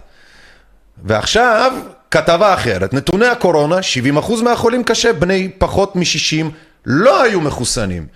עכשיו, למה אנחנו מדגישים את שני הדברים האלה? תכף שנייה רגע, בואו נגדיל, בואו נראה.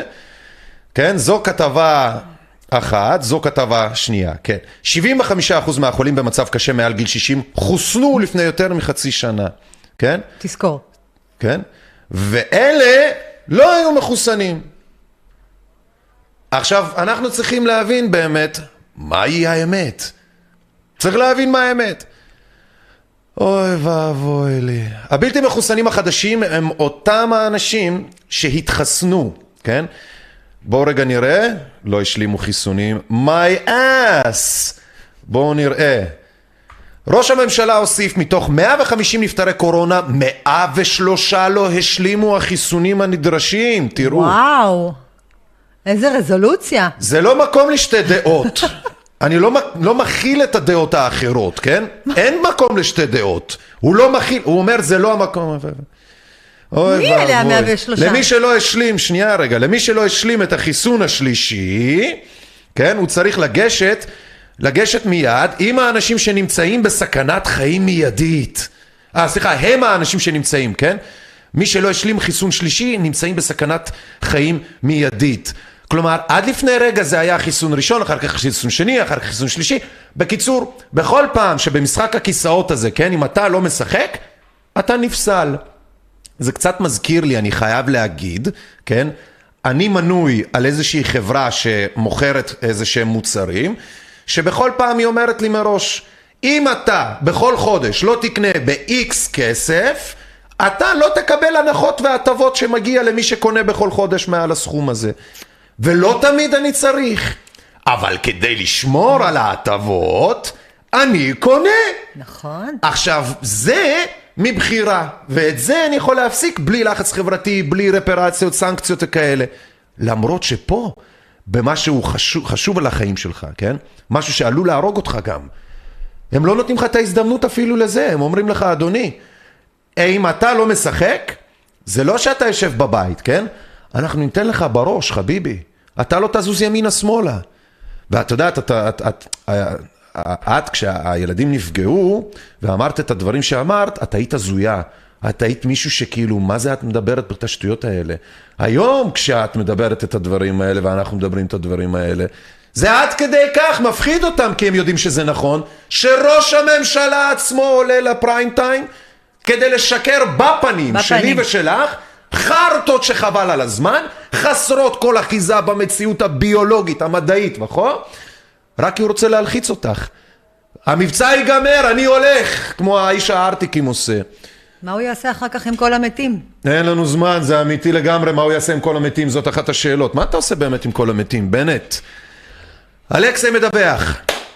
לא השלימו החיסונים הנדרשים, חוסנו רק פעמיים, בנט אומר. די בבירור, מי שנמצא כרגע בסכנת חיים מיידית, זה אנשים שקיבלו שתי זריקות. כך הוא אומר. אבל תהיו בטוחים, כן, שאם היה מדובר בנפטרים שלא חוסנו כלל, הוא היה דואג לציין את זה. אבל אין כאלה. ככה זה כאשר מגיעה זמנה של תופעת ה-ADE. אם אתה לא מחדש את החיסון, אתה בסכנה לחלות הרבה יותר קשה. אתם זוכרים את התופעה שאמרו אנחנו הזויים כשבכלל ציינו את הדבר הזה? מה התופעה אומרת? שאחרי שאתה מתחסן פעם אחת, אסור לך להפסיק, אתה חייב להמשיך, כי בכל פעם כזאת בעצם אתה מייצר וריאנט, שבעטיו אתה חייב להתחסן עוד פעם לווריאנט הזה וחוזר חלילה. נכון. מחליש את המערכת החיסונית ומזמבר את האי מאמא שלך. מה כזה מסובך להבין? סליחה. ואם אתה כן מתחסן, אף אחד לא יודע מה יקרה לך. מדעים, אנחנו כמדעים, מדענים, אנחנו יודעים להגיד לך שאתה תהיה בטוח, הכל יהיה בסדר איתך, והכל וזה וזה. אבל כשקורה משהו, אין קשר. אין קשר, לא יודעים, נחכה, נחפש, נחזור אליך עם תשובות. שבע שנים את מחכה, נכון נורית? שבע שנים, אין קשר. אין קשר, יא אללה שלי. תהיו בטוחים. אה, סליחה, כך, אה, כן. אה, עד היום אף אחד לא חשב לבדוק מה יקרה בעקבות הבוסטר על רקע אותה ה-ADE, אותה התופעה בעצם של היחלשות המערכת החיסונית, אוקיי? אף אחד לא חשב לבדוק מה יקרה. לכן, כל המחוסנים עכשיו, ממש כמו נרקומנים, שרצים לקבל עוד מנה, אם הם לא יקבלו את המנה הנוספת, את הבוסטר הזה, הם יסבלו. זה לא אנלוגית, זה בדיוק התופעה של ה-ADE, כמו עם הנרקומנים על אותו עיקרון באנלוגיה. אם כן יקבלו את החיסון, אז לא מובן לכמה זמן זה בכלל יספיק ומתי צריך מנה נוספת, והאם הם ישרדו בכלל את הנזק המצטבר מכל הזריקות הללו. אז מבוגרים, אחרי שני חיסונים, נחשבים לא מחוסנים, אבל ילדים אחרי חיסון אחד...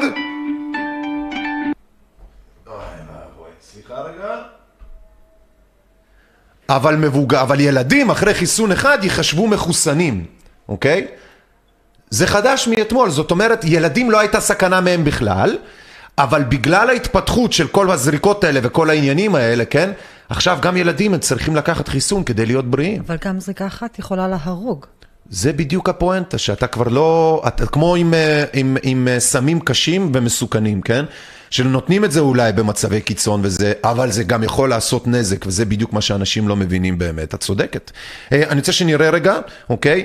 אה, תמונה, ילדים, אני רוצה שתראו את זה. רגע. כן, האבסורד הוא באמת שאחרי שתי מנות לא מחוסנים והילדים אחרי מנה אחת מחוסנים. אין, האנטרקס. אבסורד.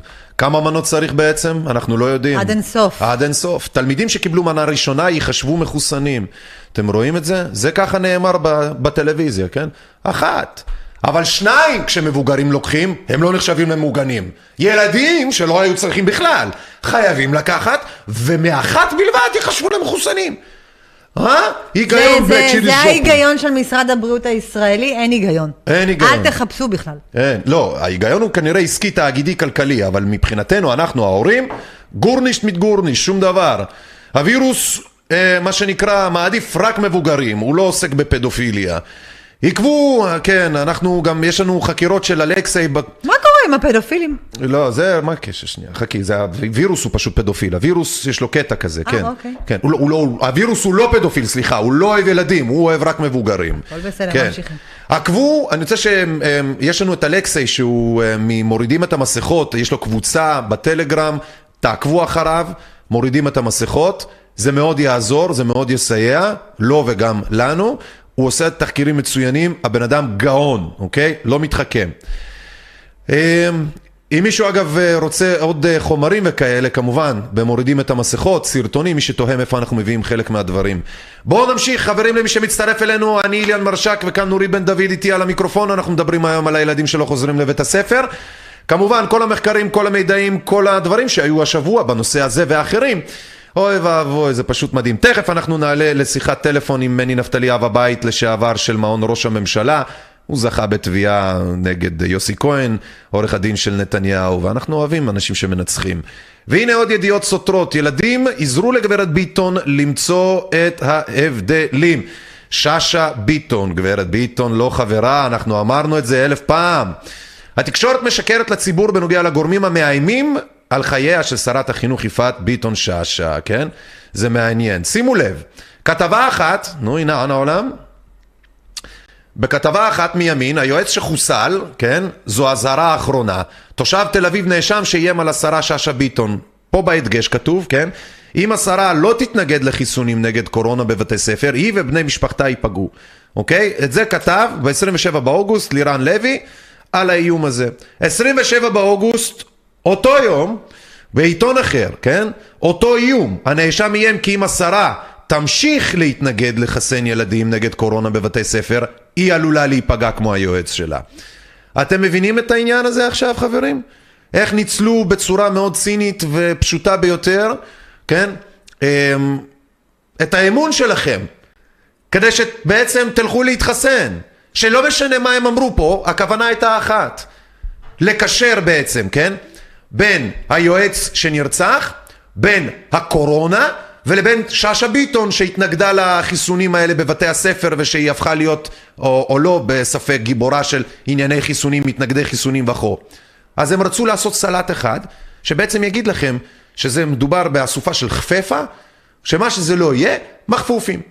אבל מי שהקשיב לעברית פתאום שם לב שזה בעצם אותה הכתבה עם תוכן שונה לחלוטין ב-180 מעלות. אני קראתי כל כתבה כמה פעמים, כי הייתי צריכה להבין מה אני קוראת, זה- משהו לא הסתדר לי. עכשיו, הדבר הראשון שאתה מבין, מתנגדי החיסונים מאיימים עליה, משמע, אנחנו אלימים, צריך להיזהר מאיתנו, מסוכנים לחברה. אנחנו.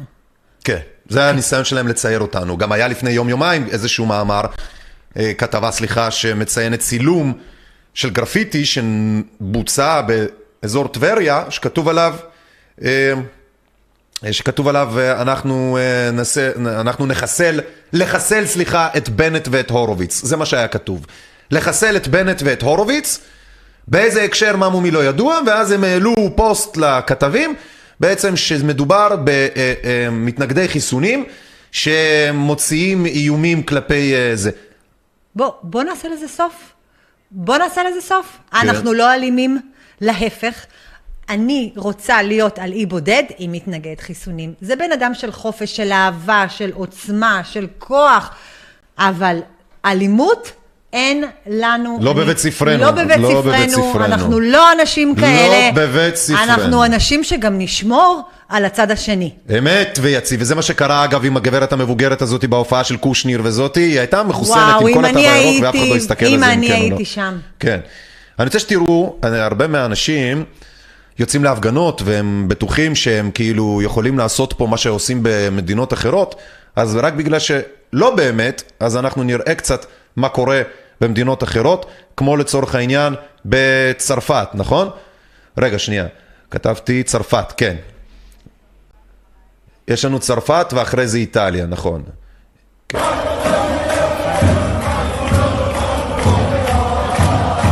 ככה עושים את זה, זה ה... צרפת זה המהפכה שלכם. הצרפתית, זה הבסטיליה, זה הם לא... יודעים זה- לעבוד. הם יודעים, יודעים. הם יודעים לעבוד, לא כמונו. לא כמונו פה, אין ספק. הרבים פה בארץ מקנאים בזה. טוב, עכשיו אני אראה לכם את אה, איטליה למשמע הצלילים האלה של הצרפתים. אני רוצה שנראה את האיטלקים, ואל תקנאו בהם, חברים. אתם לא תהיו הם.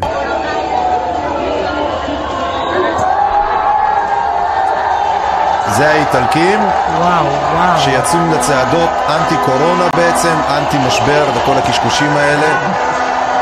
הרעיון הוא להגיד ולהראות לכם זה שאף אחד לא סופר את השוטרים פה, וזה גם מעבר לשוטרים. זה כבר לא היכולת שלהם למשטר או לא, זה בעצם היכולת של העם לעלות על מה שצריך לעלות כדי לעשות פה אחרת. ולא לעלות בקטע של לפידים, אלא בעצם לעשות שלטון כמו שצריך אחת ולתמיד ולהוריד את הדיקטטורה הזו, וזה בפשטות, כן? אתם, אנחנו הרוב. לא מיעוט, אנחנו הרוב.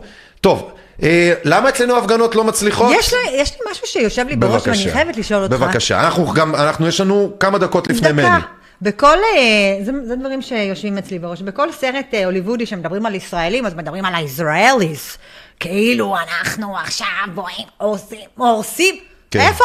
איפה הם? כן, בוא תגיד לי. כן. תגיד לי איפה הם. כן. אין לי מושג. הם עושים אקזיט בדיוק עכשיו באיזה אה, unicorn, אוקיי. כן. צאו, צאו כבר מהבית, צאו כבר. אז למה ההפגנות אצלנו לא מצליחות באותה הרוח באמת? מה האירופים הבינו שאנחנו לא? אני רוצה שתכף נעלה על הקו את האיש שיודע להפגין, אבל לא בהפגנות כמו שאנחנו מכירים, כן? הוא יודע להפגין את הדברים בצורה יותר מוצלחת, והוא אף פעם לא ויתר, עד שהוא מנצח, וזה מני נפתלי. ולפני שאנחנו נעלה אותו על הקו, אנחנו רוצים לצפות בהפגנה שהייתה ב... בהפגנה שהייתה בשבת אה, בירושלים, אלימות משטרתית בהפגנה בירושלים, אנחנו בינתיים נצפה בזה ונעלה את אה, מני נפתלי על הקו. מאה איש והפגנה כל כך אלימה. כן. טוב, אנחנו לא נרד עליהם. לא.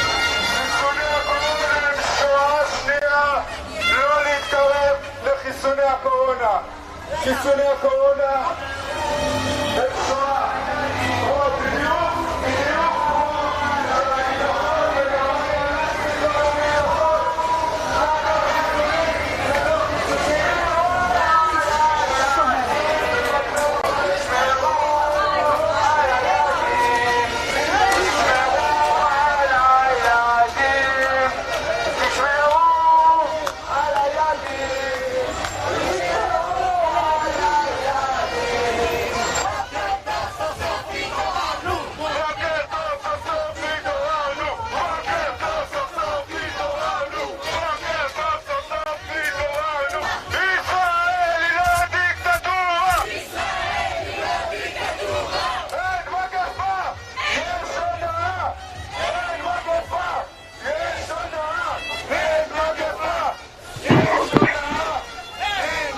אני רוצה להגיד צהריים טובים לאחד והיחיד, מני נפתלי, שלום לך. שלום וברכה, חברים. רגע, אני צריך לשים את הסלייד שלך כדי שנדע שאנחנו מדברים איתך. רגע, מני נפתלי עלינו, כן, איתנו. תקשיב, אתה לא, לא מפסיק להפגין, אתה עושה צרות אתה, אה? אני, אני מני נתניהו. כפרה עליך, תקשיב, קודם כל מזל טוב ומברוק. נתת בראש ליוסי כהן העורך דין שהוציא אה, מה שנקרא לשון הרע נגדך, בעצם ניסה לצייר אותך במהלך המשפט של אה, נתניהו מולך כמישהו שגנב, לקח לכיסו וזה בכלל לא היה נתניהו, ניסו להפיל את זה עליך ואתה אמרת לא רק שאני אתבע אתכם על זה שזה לא נכון, אני גם אתבע אתכם על זה שבכלל העזתם לדבר אה, סרה וזכית. כן, אתה רואה, הצדק יצא לאור. נכון. חשוב לא לוותר בדבר כזה, זה המסר לכולם, ולא להתפתות למה שמציעים בדרך. איזה שפיץ, אני רציתי לבקש ממך אבל משהו, כן? לא לבקש, להגיד יותר נכון, להגיד. מה, אתה רוצה הלוואה? על עניין. לא הלוואה, אחי. אתה בתור אב אה, אה, מעון ראש הממשלה לשעבר, תן לנו את המפתחות של הבונקר, עינן העולם. תן את המפתחות של הבונקר, שנוכל להיכנס כולנו במתחת שם וזה, למה רק להם זה מגיע? אה, משפחת המלוכה, אנחנו אנשי, אנחנו עבדים. תגיד, איך שרדת את השנים הקשות האלה? משפחת המלוכה הזאת היא ירדה עליך, על האישה, על הילדים שיהיו בריאים, קשה מאוד, זה שנים של מאבק. איך אתה הצלחת לעמוד בשטף הזה? ואני שואל אותך, כי רבים מאזינים ורוצים לדעת, כי עכשיו הם מפחדים על, על, על עצמם מלהביע דעה. איך אתה עשית את זה? קודם כל לא לפחד, דרך השם, אלוהים עזר לי הרבה בדרך, אבל uh, חשוב להיות נחוש ולא להסתובב. מה שלימדו אותנו בהבטחת אישים, מה שלימדו אותנו בצבא, אתה הולך ישר, לא מסתובב, לא הולך אחורה, אתה נלחם קדימה. זה מה שעשיתי, להיות עקבי, להיות עיקש, וכמובן שהרבה אנשים הם קנו אותי לא הצליחו. והאנשים האלה של המשפחה, אתה יודע, הילדים, האישה, המשפחה המיידית או הקרובה, מה הם אמרו כשאתה נאבקת במשפחת המלוכה הזאת? גם אליך הם התייחסו כאל קונספירטור הזוי, כאל מישהו שכאילו, לא יודע מה, רודף אחרי תחנות רוח, או שהם ידעו שאתה צודק והם רק חיכו שאתה תעשה את המשפט ואת התביעה ותזכה בה? מה, מה, איך הם היו? קודם כל האישה היא פחדה על מקום העבודה שלה, היא עובדת מדינה. הילדים היו קצת קטנים, היום הם אה, גיל 17 וחצי, 15 וחצי, הם אה, גדלו בפרשה הזאת, והם התעצבו, הם התעצבו לטובה, זה הדברים החיוביים. אני מסתכל תמיד על החצי כוס המלאה, וכן, אין, אין ספק שהלכתי כעיוור, לא הסתכלתי על טובת המשפחה, אבל הכל חזר לטובה, ברוך השם, היום הכל טוב. ואין כעס מהילדים או מהאישה, איך עשית את זה? כי בסופו של דבר אני עומד מול השותפה, מול האישה, מול הזה, אתה יודע, אני מקבל קורנס על הראש, בומבה על הראש, אני מתקפל, אני לא ממשיך. איך אתה, להבדיל מרבים אחרים, למרות הקשיים, גם מבית, גם מבחוץ, גם בזה שאיבדת את הפרנסה שלך בכל מקרה, זה ללכת נגד המעסיק, אתה הצלחת לעמוד, והיום אתה עובד, ברוך השם, ועושה ומתפרנס והכל בסדר. איך, איך, באמת, כי להגיד לא לפחד זה, זה קל, אבל מה באמת עושים ברגע שבאים ו- ומאיימים עליך שאין יותר עבודה וש, וש, ו- ו- וכל מיני ריבים במשפחה, איך שורדים את זה? קודם כל, הכל חזר עליי בגדול היום. אה, אני ראיתי בחזון שלי את הניצחון. כמובן שעשיתי עוולות למשפחה שלי, אבל היום אני במקום טוב. אה, קנינו בית חדש, עברנו לדירה חדשה, היום אני עובד בשיפוצים, זה הזמן להגיד לכולם, מי שרוצה צבע בתוך הבית, שירותים חדשים, מקלחת, ריצוף, צביעה בחוץ, תפנה אליי בפייסבוק. בשמחה, מני, אנחנו תמיד נשמח לעזור לך אם שהקהל יבוא וש, ושתוכל לשפץ אצלו וזה, אבל אה, עוד שאלה קטנה, אתה משפץ כמו ששיפצתם אצל נתניהו? כי לפי ששרה מתלוננת שם לא שיפצו 20 שנה. אה, אה, אה, אה, אה, אה, אה, אה, אה, אה, אה, אה, אה, אה. סתם בצחוק, כפרה עליך. מי שמשלם, מקבל את העבודה. בדיוק, מי שלא משלם לא מקבל כלום. כן, הנה שרה, הנה הנעים אימא שלה, שתהיה בריאה, לא, בעצם לא. מה הדבר הכי מפחיד במשפט היה כשאתה ידעת שבעצם אתה צודק, אבל כשאתה מתמודד מול אחד מעורכי הדין הממולחים, ואם יורשה לי לומר, לטעמי, כן, מ- מהאלה שיש להם פנים נבזיות מאוד. איך הצלחת, איך לא חששת? גם כי אתה מכיר את החולי נפש האלה מבפנים, כן, את המשפחה הזאת. איך למרות זה לא חששת? אני לא מפחד מאף אחד, גם היום. כל החיים שלנו בכלל בעולם הזה זה משהו שעובר. וחולה. מני, לא יש פה, יש. פה את נורית, נורית היא כמוך, וזה שני אנשים, ש... אתם שני אנשים שאני באמת מנסה להבין, מה זה החוסר פחד המובנה הזה? נורית, את, מוכנה אולי להסביר לי את אה, מני ולאחרים? מני, היי, אני מה זה מתרגשת. אני עקבתי אחריך במשך כל המשפט, ואני הבנתי דברים שקרו אצלי, שקרו גם אצלך. קודם כל, זה הדבר הזה, אתם לא תגידו עליי דבר שקר. הנשמה שלך רוצה לנצח. וגם אני, אבל- אני ראיתי שפגעו בך והיה לך מאוד קשה לעמוד בזה, וזה מאבק עיקש, אבל ברגע שאתה יודע את האמת שלך, איליאן, אתה לא מתקפל. אתה יש, לא... יש מילה אחת, Mm. כורדי, כורדי. כורדי! אה, אני לא? כורדית, אולי, אולי זה בא לי מהמזל שלי, אני מזל שור. אגב, אה, אתה יודע שביבי נתניהו חתום על ה Sci-B-Vac. הוא היה שר הבריאות. כן, טוב, אנחנו כן, רואים שרק יודע. אנשים חולים חותמים על דברים כאלה. ואני גאה בך, אתה אדם אמיץ, אתה אדם מדהים, ואני בטוחה שעוד נראה אותך בהמשך הדרך מוביל, פשוט מוביל. מני זה בשבילך, והיא לא דיברה על מוביל בקטע של הובלות הפעם. רגע, אבל מי זאת? מי זאת? נורית. היא, ח- נורית היא חברה טובה, היא אימא לשני ילדים שנפגעו מחיסון שנעשה לפני שבע שנים, סאי ביבק, כן. וביקשתי אה, כן. אותה לאולפן שתעזור לנו לקראת פתיחת שנת הלימודים שחל אתמול. יפה. להבין באמת את ההלך רוח הזה של האנשים, כי יש חצי מיליון תלמידים שלא פותחים את שנת הלימודים, וניסיתי כן. להבין מה זה החצי מיליון האלה, מי זה האנשים האלה שעושים אחרת ממה שמצופה מהם, שלא מפחדים. ואני אני- משוחח איתך, כי אתה אחד כזה שהוא דוגמה מצוינת למאבק עיקש, ללא מורא, ללא חשש, לבד מול המערכות. אני לו הייתי שר החינוך היום, הייתי מלמד את הילדים דברים שלא מלמדים אותם, דברים איך להחזיק כסף, איך להתמודד עם דברים מסוימים, זה דברים שצריכים לחיים. אמת. זה הדברים שלא מלמדים אותנו בבית ספר.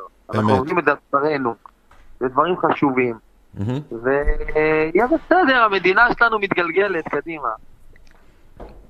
היא מתגלגלת קדימה בגלל אנשים כמוך, יא נפתלי, יא מני, זה לא בגלל אה, אה, נפתלי השני, כן, הבנט.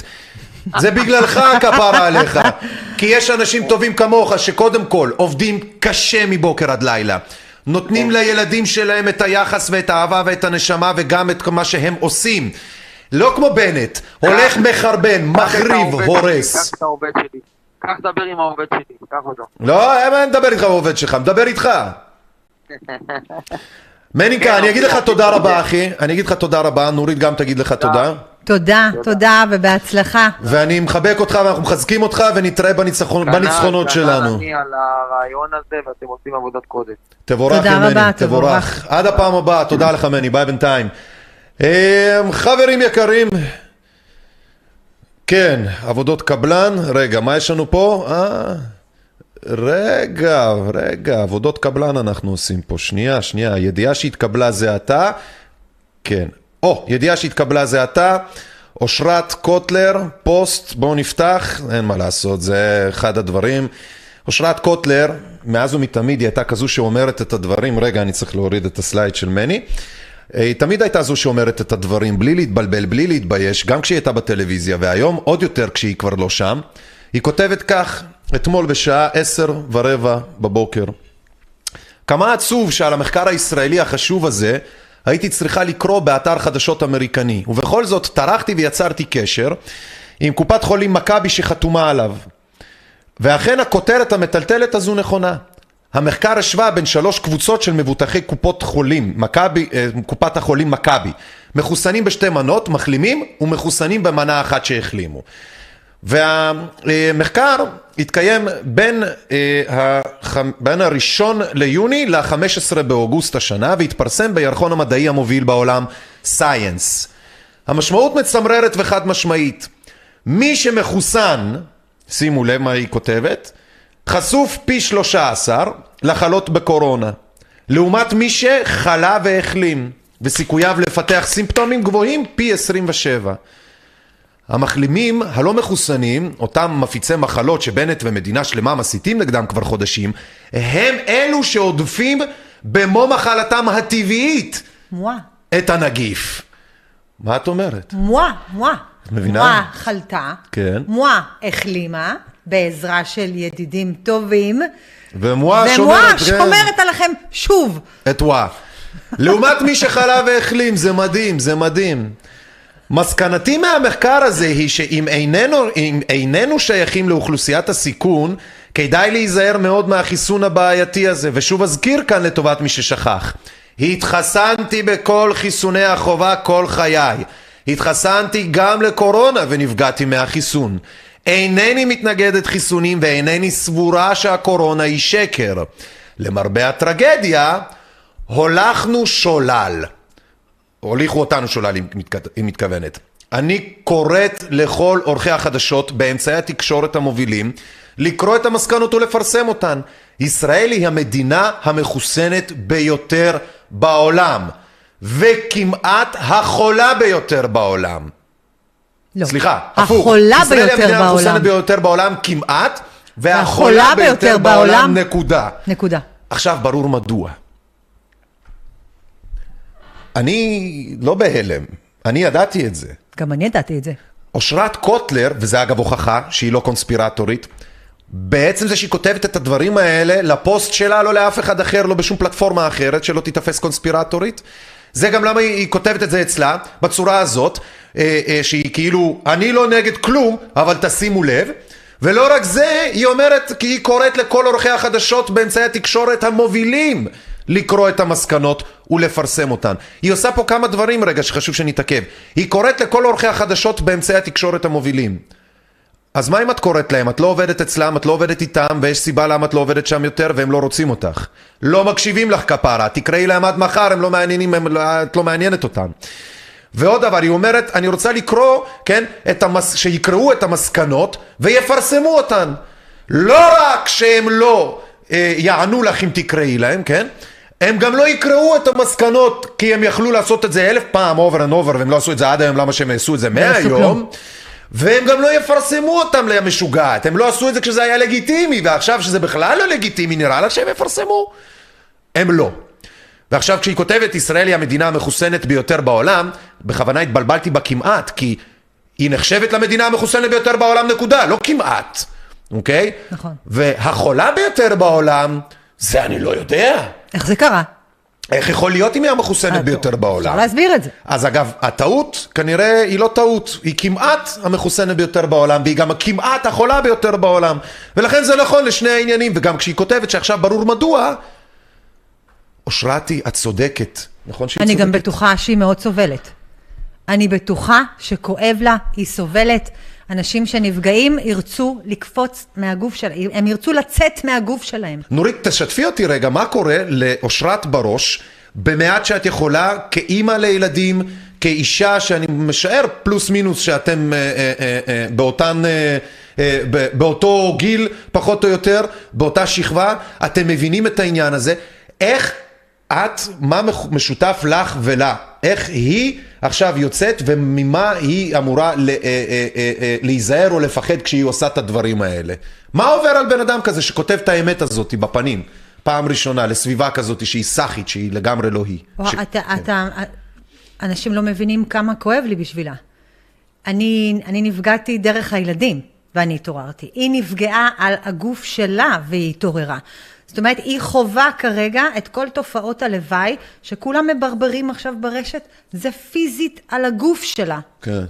ואין לה את היכולת היום, היא לא בתוך התקשורת, לדווח על זה בכלל.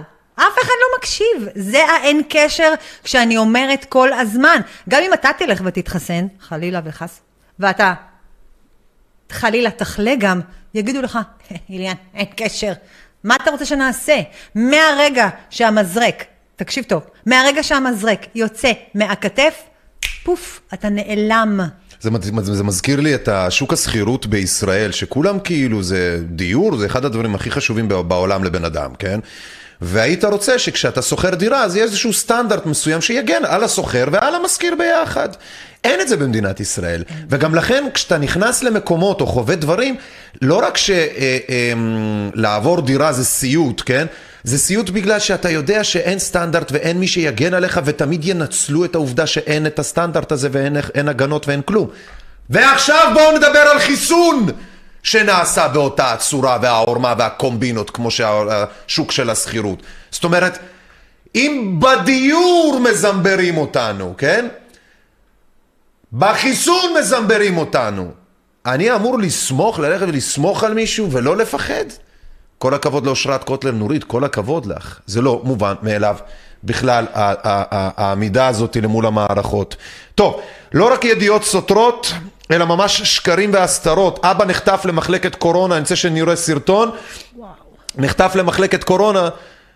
חברה של נורית, חברה שלך, נורית, סיוון, סיוון החברה שלך. יומיים הוא במחלקת קורונה למרות שהוא שלילי לנגיף, מתחילים שם טיפול ניסיוני עליו בלי לבקש את אישור המשפחה. שלום שלי. שלום סיוון. אני אחזור על זה שוב. אבא שלך אושפז יומיים במחלקת קורונה עם כל מה שכרוך בזה, מבלי להיות חיובי לנגיף, איך קורה כזה דבר? והאם מלכתחילה הוא היה שלילי? תסבירי לנו מה אמרו לכם. נכון מאוד. אנחנו קיבלנו תוצאות שהוא שלילי בשני בדיקות של PCR, אבל אה, הם החליטו לאשפז אותו מהדעת עצמם שיש לו קורונה.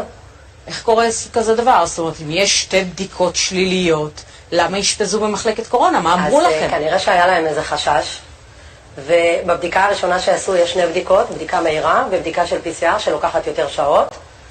ה-PCR מראה לנו שהוא, חיו, שהוא שלילי, ו... והם לא עשו עם זה כלום. הם דחו אותנו כל הזמן עם כל השיחות שעשינו להם, והשעות של הביקורים היו ממש מצומצמות, עד שדרשנו שוב עוד בדיקה, והם אמרו שזה ייקח עשרה ימים, כי הוא מתחיל, אה, רוצים להתחיל לו טיפול ניסיוני של איזה תרופה של קורונה, ואני אומרת להם, כל המדדים טובים, אני לא חושבת שיש קורונה, אני דורשת בדיקה עכשיו, ברגע זה. עשו לו את הבדיקה, אמרו שידברו איתנו תוך כמה שעות, אף אחד לא יצר איתנו קשר, ככה עבר עוד יום. שבינתיים הם למחרת. התחילו לו איזשהו טיפול ניסיוני בקורונה, טיפול כן. של תרופה, כי יש לו תרופתי. כביכול קורונה מבחינתם. הם לא יודעים שיש לי את התשובות של הבדיקות. וכאילו הם מבחינתם, יש לו קורונה לכל דבר. וכשדרשנו עוד בדיקה, עשו את הבדיקה, ולמחרת, כשהגענו לשחרר אותו, אנחנו אומרים להם שאנחנו רואים שאין קורונה PCR שלילי. אז היא אומרת, האחות מדברת איתנו, אומרת לנו, אוקיי, תחכו לרופא, הוא יגיד לכם מה קורה בהמשך. מחכים, וזה שעות בדיקור ממש מצומצמות. הרופא ניגש, אוקיי, טוב, היה חשש לקורונה, אנחנו משחררים אותו. הוא אומר לאימא שלי, אנחנו רוצים לשים אותו בבידוד של שבוע ימים. אימא שלי מסרבת, אוקיי, חתמנו על שחרור, אמרו שמשחררים דרך טיפול נמרץ. טיפול נמרץ לא מגיע. מ-11 בבוקר עד 11 בלילה, שאנחנו הזמנו אמבולנס פרטי מטעמנו. כי זה לקח כל כך זמן, ובינתיים הוא בתוך מחלקת קורונה כשאין לו קורונה. והם מודעים לזה שאין קורונה. אבל תגידי, מישהו ביקש מכם אישור להתחיל בטיפול ניסיוני? אגב, על אדם שכלל אין לו קורונה, זה, זה בכלל נוסף. זאת אומרת, אני גם אגיד לך עוד משהו. כש, כשבשתיים בלילה התקשר המטפל והתחיל לבכות שזורקים אותו החוצה מפנימית ב' בתל השומר, הוא לא ידע מה לעשות, הוא גם לא כל כך יודע עברית. אז כשהגעתי לבית חולים סגרו את הדלתות, לאף אחד לא נתנו להיכנס, כי זה הם בקיצור עשו לו את הזדורוב, הם עשו לו רומן זדורוב, לקחו בעצם חולה, מסכן, כן? שנראה כמו פציינט מאוד מאוד פופולרי, מישהו שלא יכול לדבר, מישהו שאין לו כאילו זה. בואו נגלוש לו על התחת עכשיו וזה, וכשאלה באו לנסות להבין מי זה גולש להם על התחת, באיזה סיבה, באיזה נסיבות, ומאיזה סיבות וכמה למה, גילו שבאופן הכי ציני בעולם, כמו אמהות של הילדים התימנים החטופים והבלקנים, שכשהם שאלו איפה הילד, אמרו להם, אה, הוא מת. ומה עם הגופה? אה, קברנו. תגיד לי, באיזה קטע אני לא מבין, מה זה הדבר הזה? כאן יש לו ילדה שהצילה אותו, תתאר לך אם זה היה בן אדם ערירי. זה בדיוק מה שאני מפחד שכבר קרה. קרה. קרה בטוח. שהיו אנשים שם עריריים שעשו עליהם את הניסויים האלה. אתם מבינים בעצם? אתם, אתם קודם מצליחים כל להבין? עשו ניסוי בהרצפלד בבית אבות, עשו ניסוי על, ה...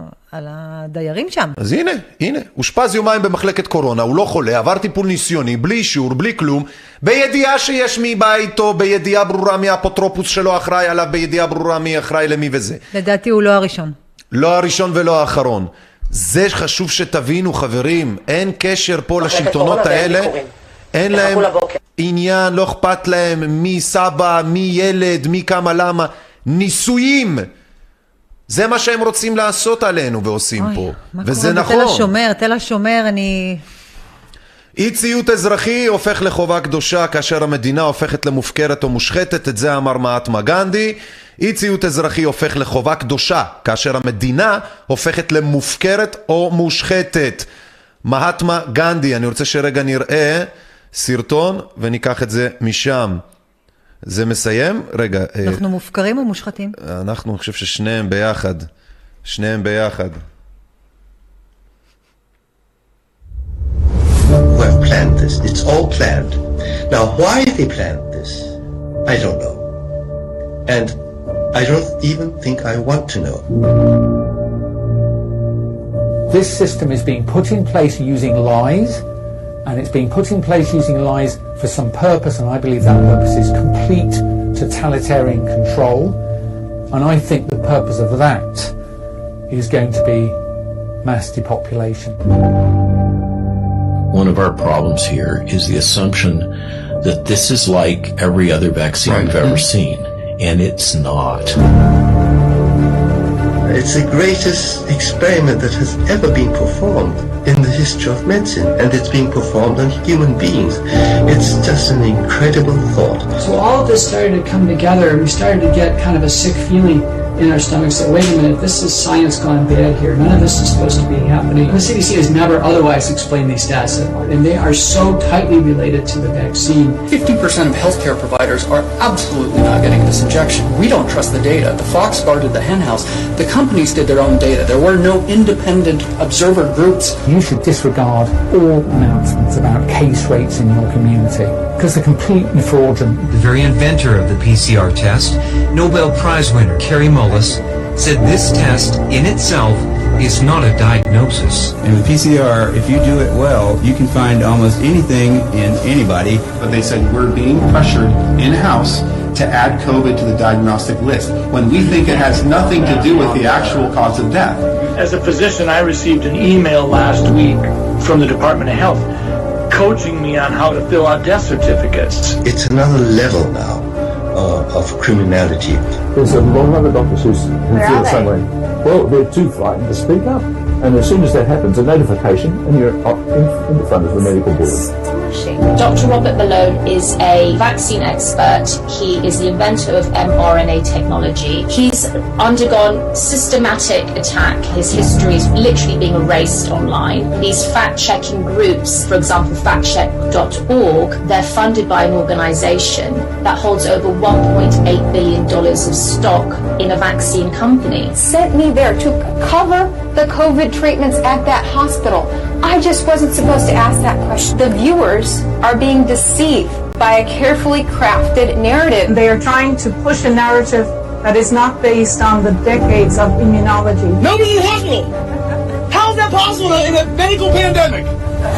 That's fake news, that's why. People have turned to Facebook to share their stories and experiences, with one group reaching almost 65,000 members. It was removed overnight for no apparent reason. the, the victims of this vaccine. They're not being able to tell their story. Well, the censoring has been going on for well over a year. It's well documented. It's unequivocal. TikTok is taking down all of my sounds so that you guys can't hear my story. The Great Barrington Declaration, authored and signed by three of the world's leading experts in epidemiology, infectious diseases, and vaccines. We've got to the point where scientists such as yourselves need to kind of gather for uh, secret meetings in, uh, in houses to come out with declarations of dissent. Are you of the same opinion? I don't think I can answer that question. Why not? Anyone who speaks out against this line of policy is, is shut down. I basically have to be in line with the government line. Do you want your physicians and scientists, their voices suppressed? We're polarized right now. We're polarized. and, and threaten investigation and discipline for any physicians who express any of the negative aspects of any of these interventions, uh, no matter what the evidence says.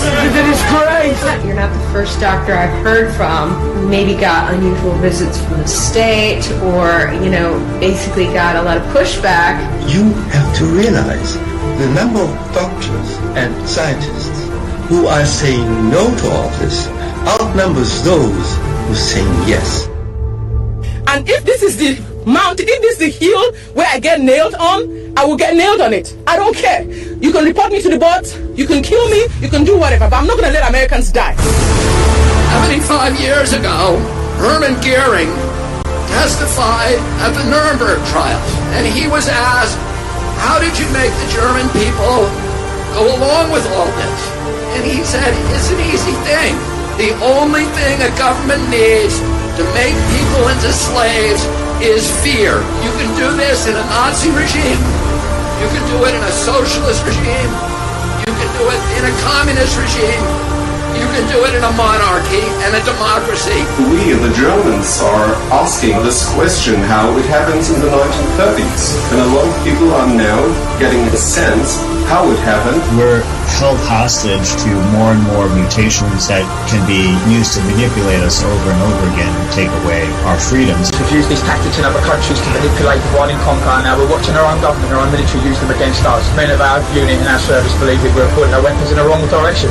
This time now the tyranny is against us and our people, and we can't see it because it's on our home soil where it's never been before. We need to start looking at ourselves as officers and thinking, is what I'm doing right? You don't get to just say, I'm following orders. And if that costs you your job, so be it. At least you'll be able to look at yourself in the mirror at night. they start enforcing the communist state through the vaccine passport. Please, Australia, do not move to any goalpost. The second you do, they start to build the fascist state. In Australia, people have had it too good for too long, and they see these communist countries, you know, they, there's no way that could happen here. We are the most locked down country in the world. There's over 60,000 massive protest. You know, the media said it was only three and a half thousand people. What we saw today were three and a half thousand very selfish bullheads. The mainstream media is never, ever, ever going to be on our side because they are owned and controlled by the very people we're fighting against. They've identified that area as being a really strong area. Strong men, strong morals, strong customs. You are the toughest. You have the strongest family, community connections, religious connections. You guys are unbreakable, and they know that if they target and break you first, it makes it easier for them to break the rest of us. Stand the fuck up. Don't be the reason why our future generations look back and think, where the heck were they? This is the time. There is not going to be another time unless we shake this down.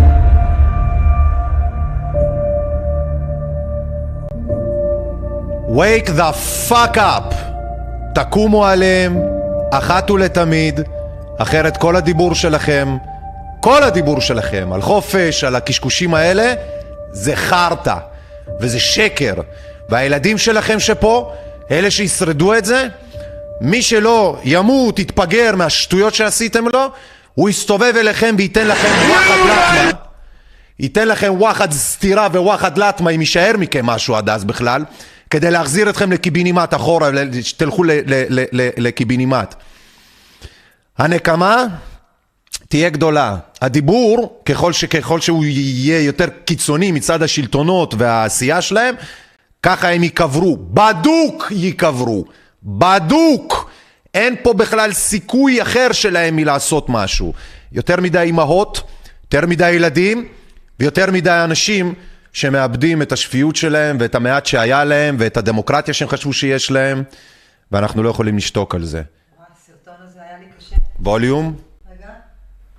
כן? הסרטון הזה היה לי קשה, כי אני יודעת שזה מה שקורה.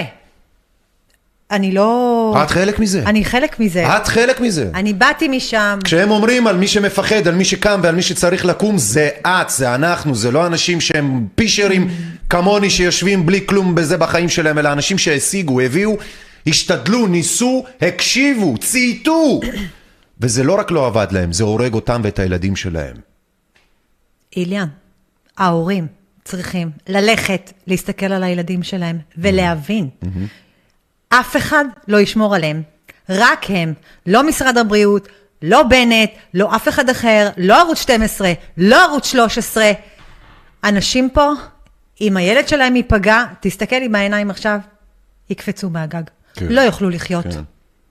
לא יוכלו, לא יוכלו לחיות עם זה. כן. אני נשבעת לכם. יש לי שני ילדים, כל המשפחה שלי התפרקה. אבל אני אחזיק אותה הכי חזק שאני יכולה.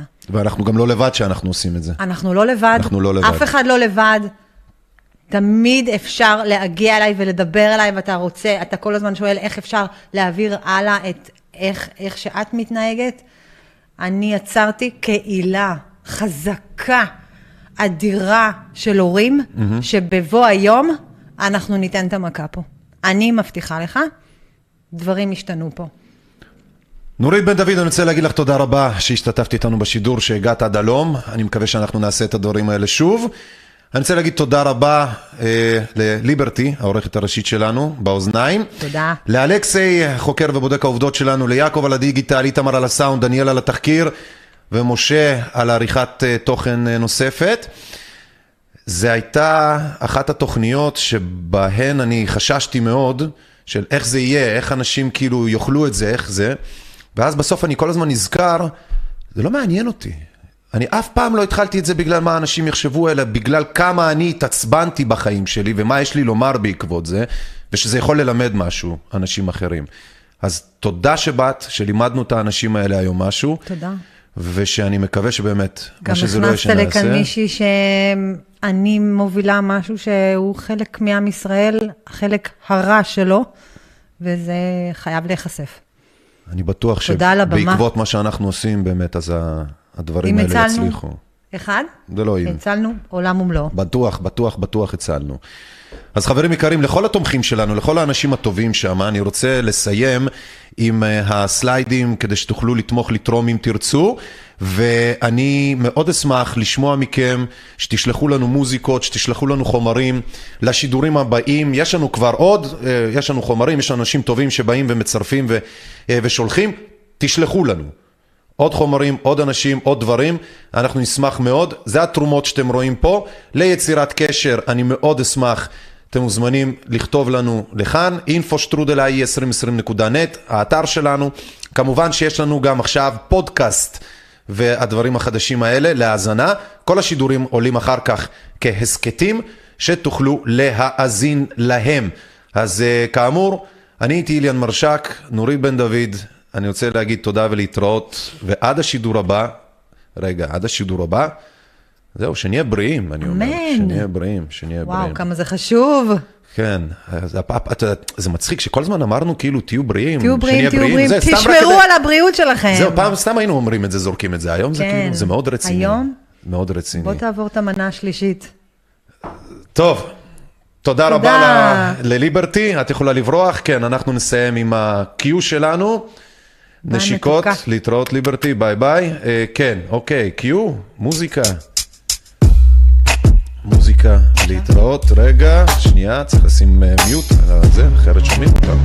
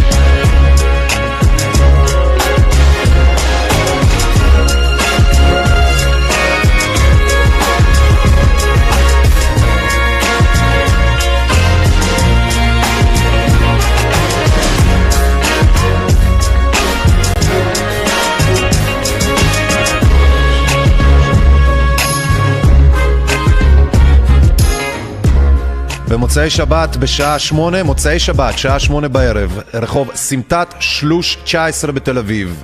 מוצאי שבת, שמונה בערב, סמטת שלוש 19 תל אביב, אנחנו נפגשים לכבוד השנה החדשה, להרים כוסית ועוד כל מיני כאלה דברים. שמונה בערב, במוצאי שבת הקרובה, רחוב סמטת שלוש 19 בתל אביב. נווה צדק. נתראה שמה, נשנושים, שתייה וכו'. נכיר ונהנה.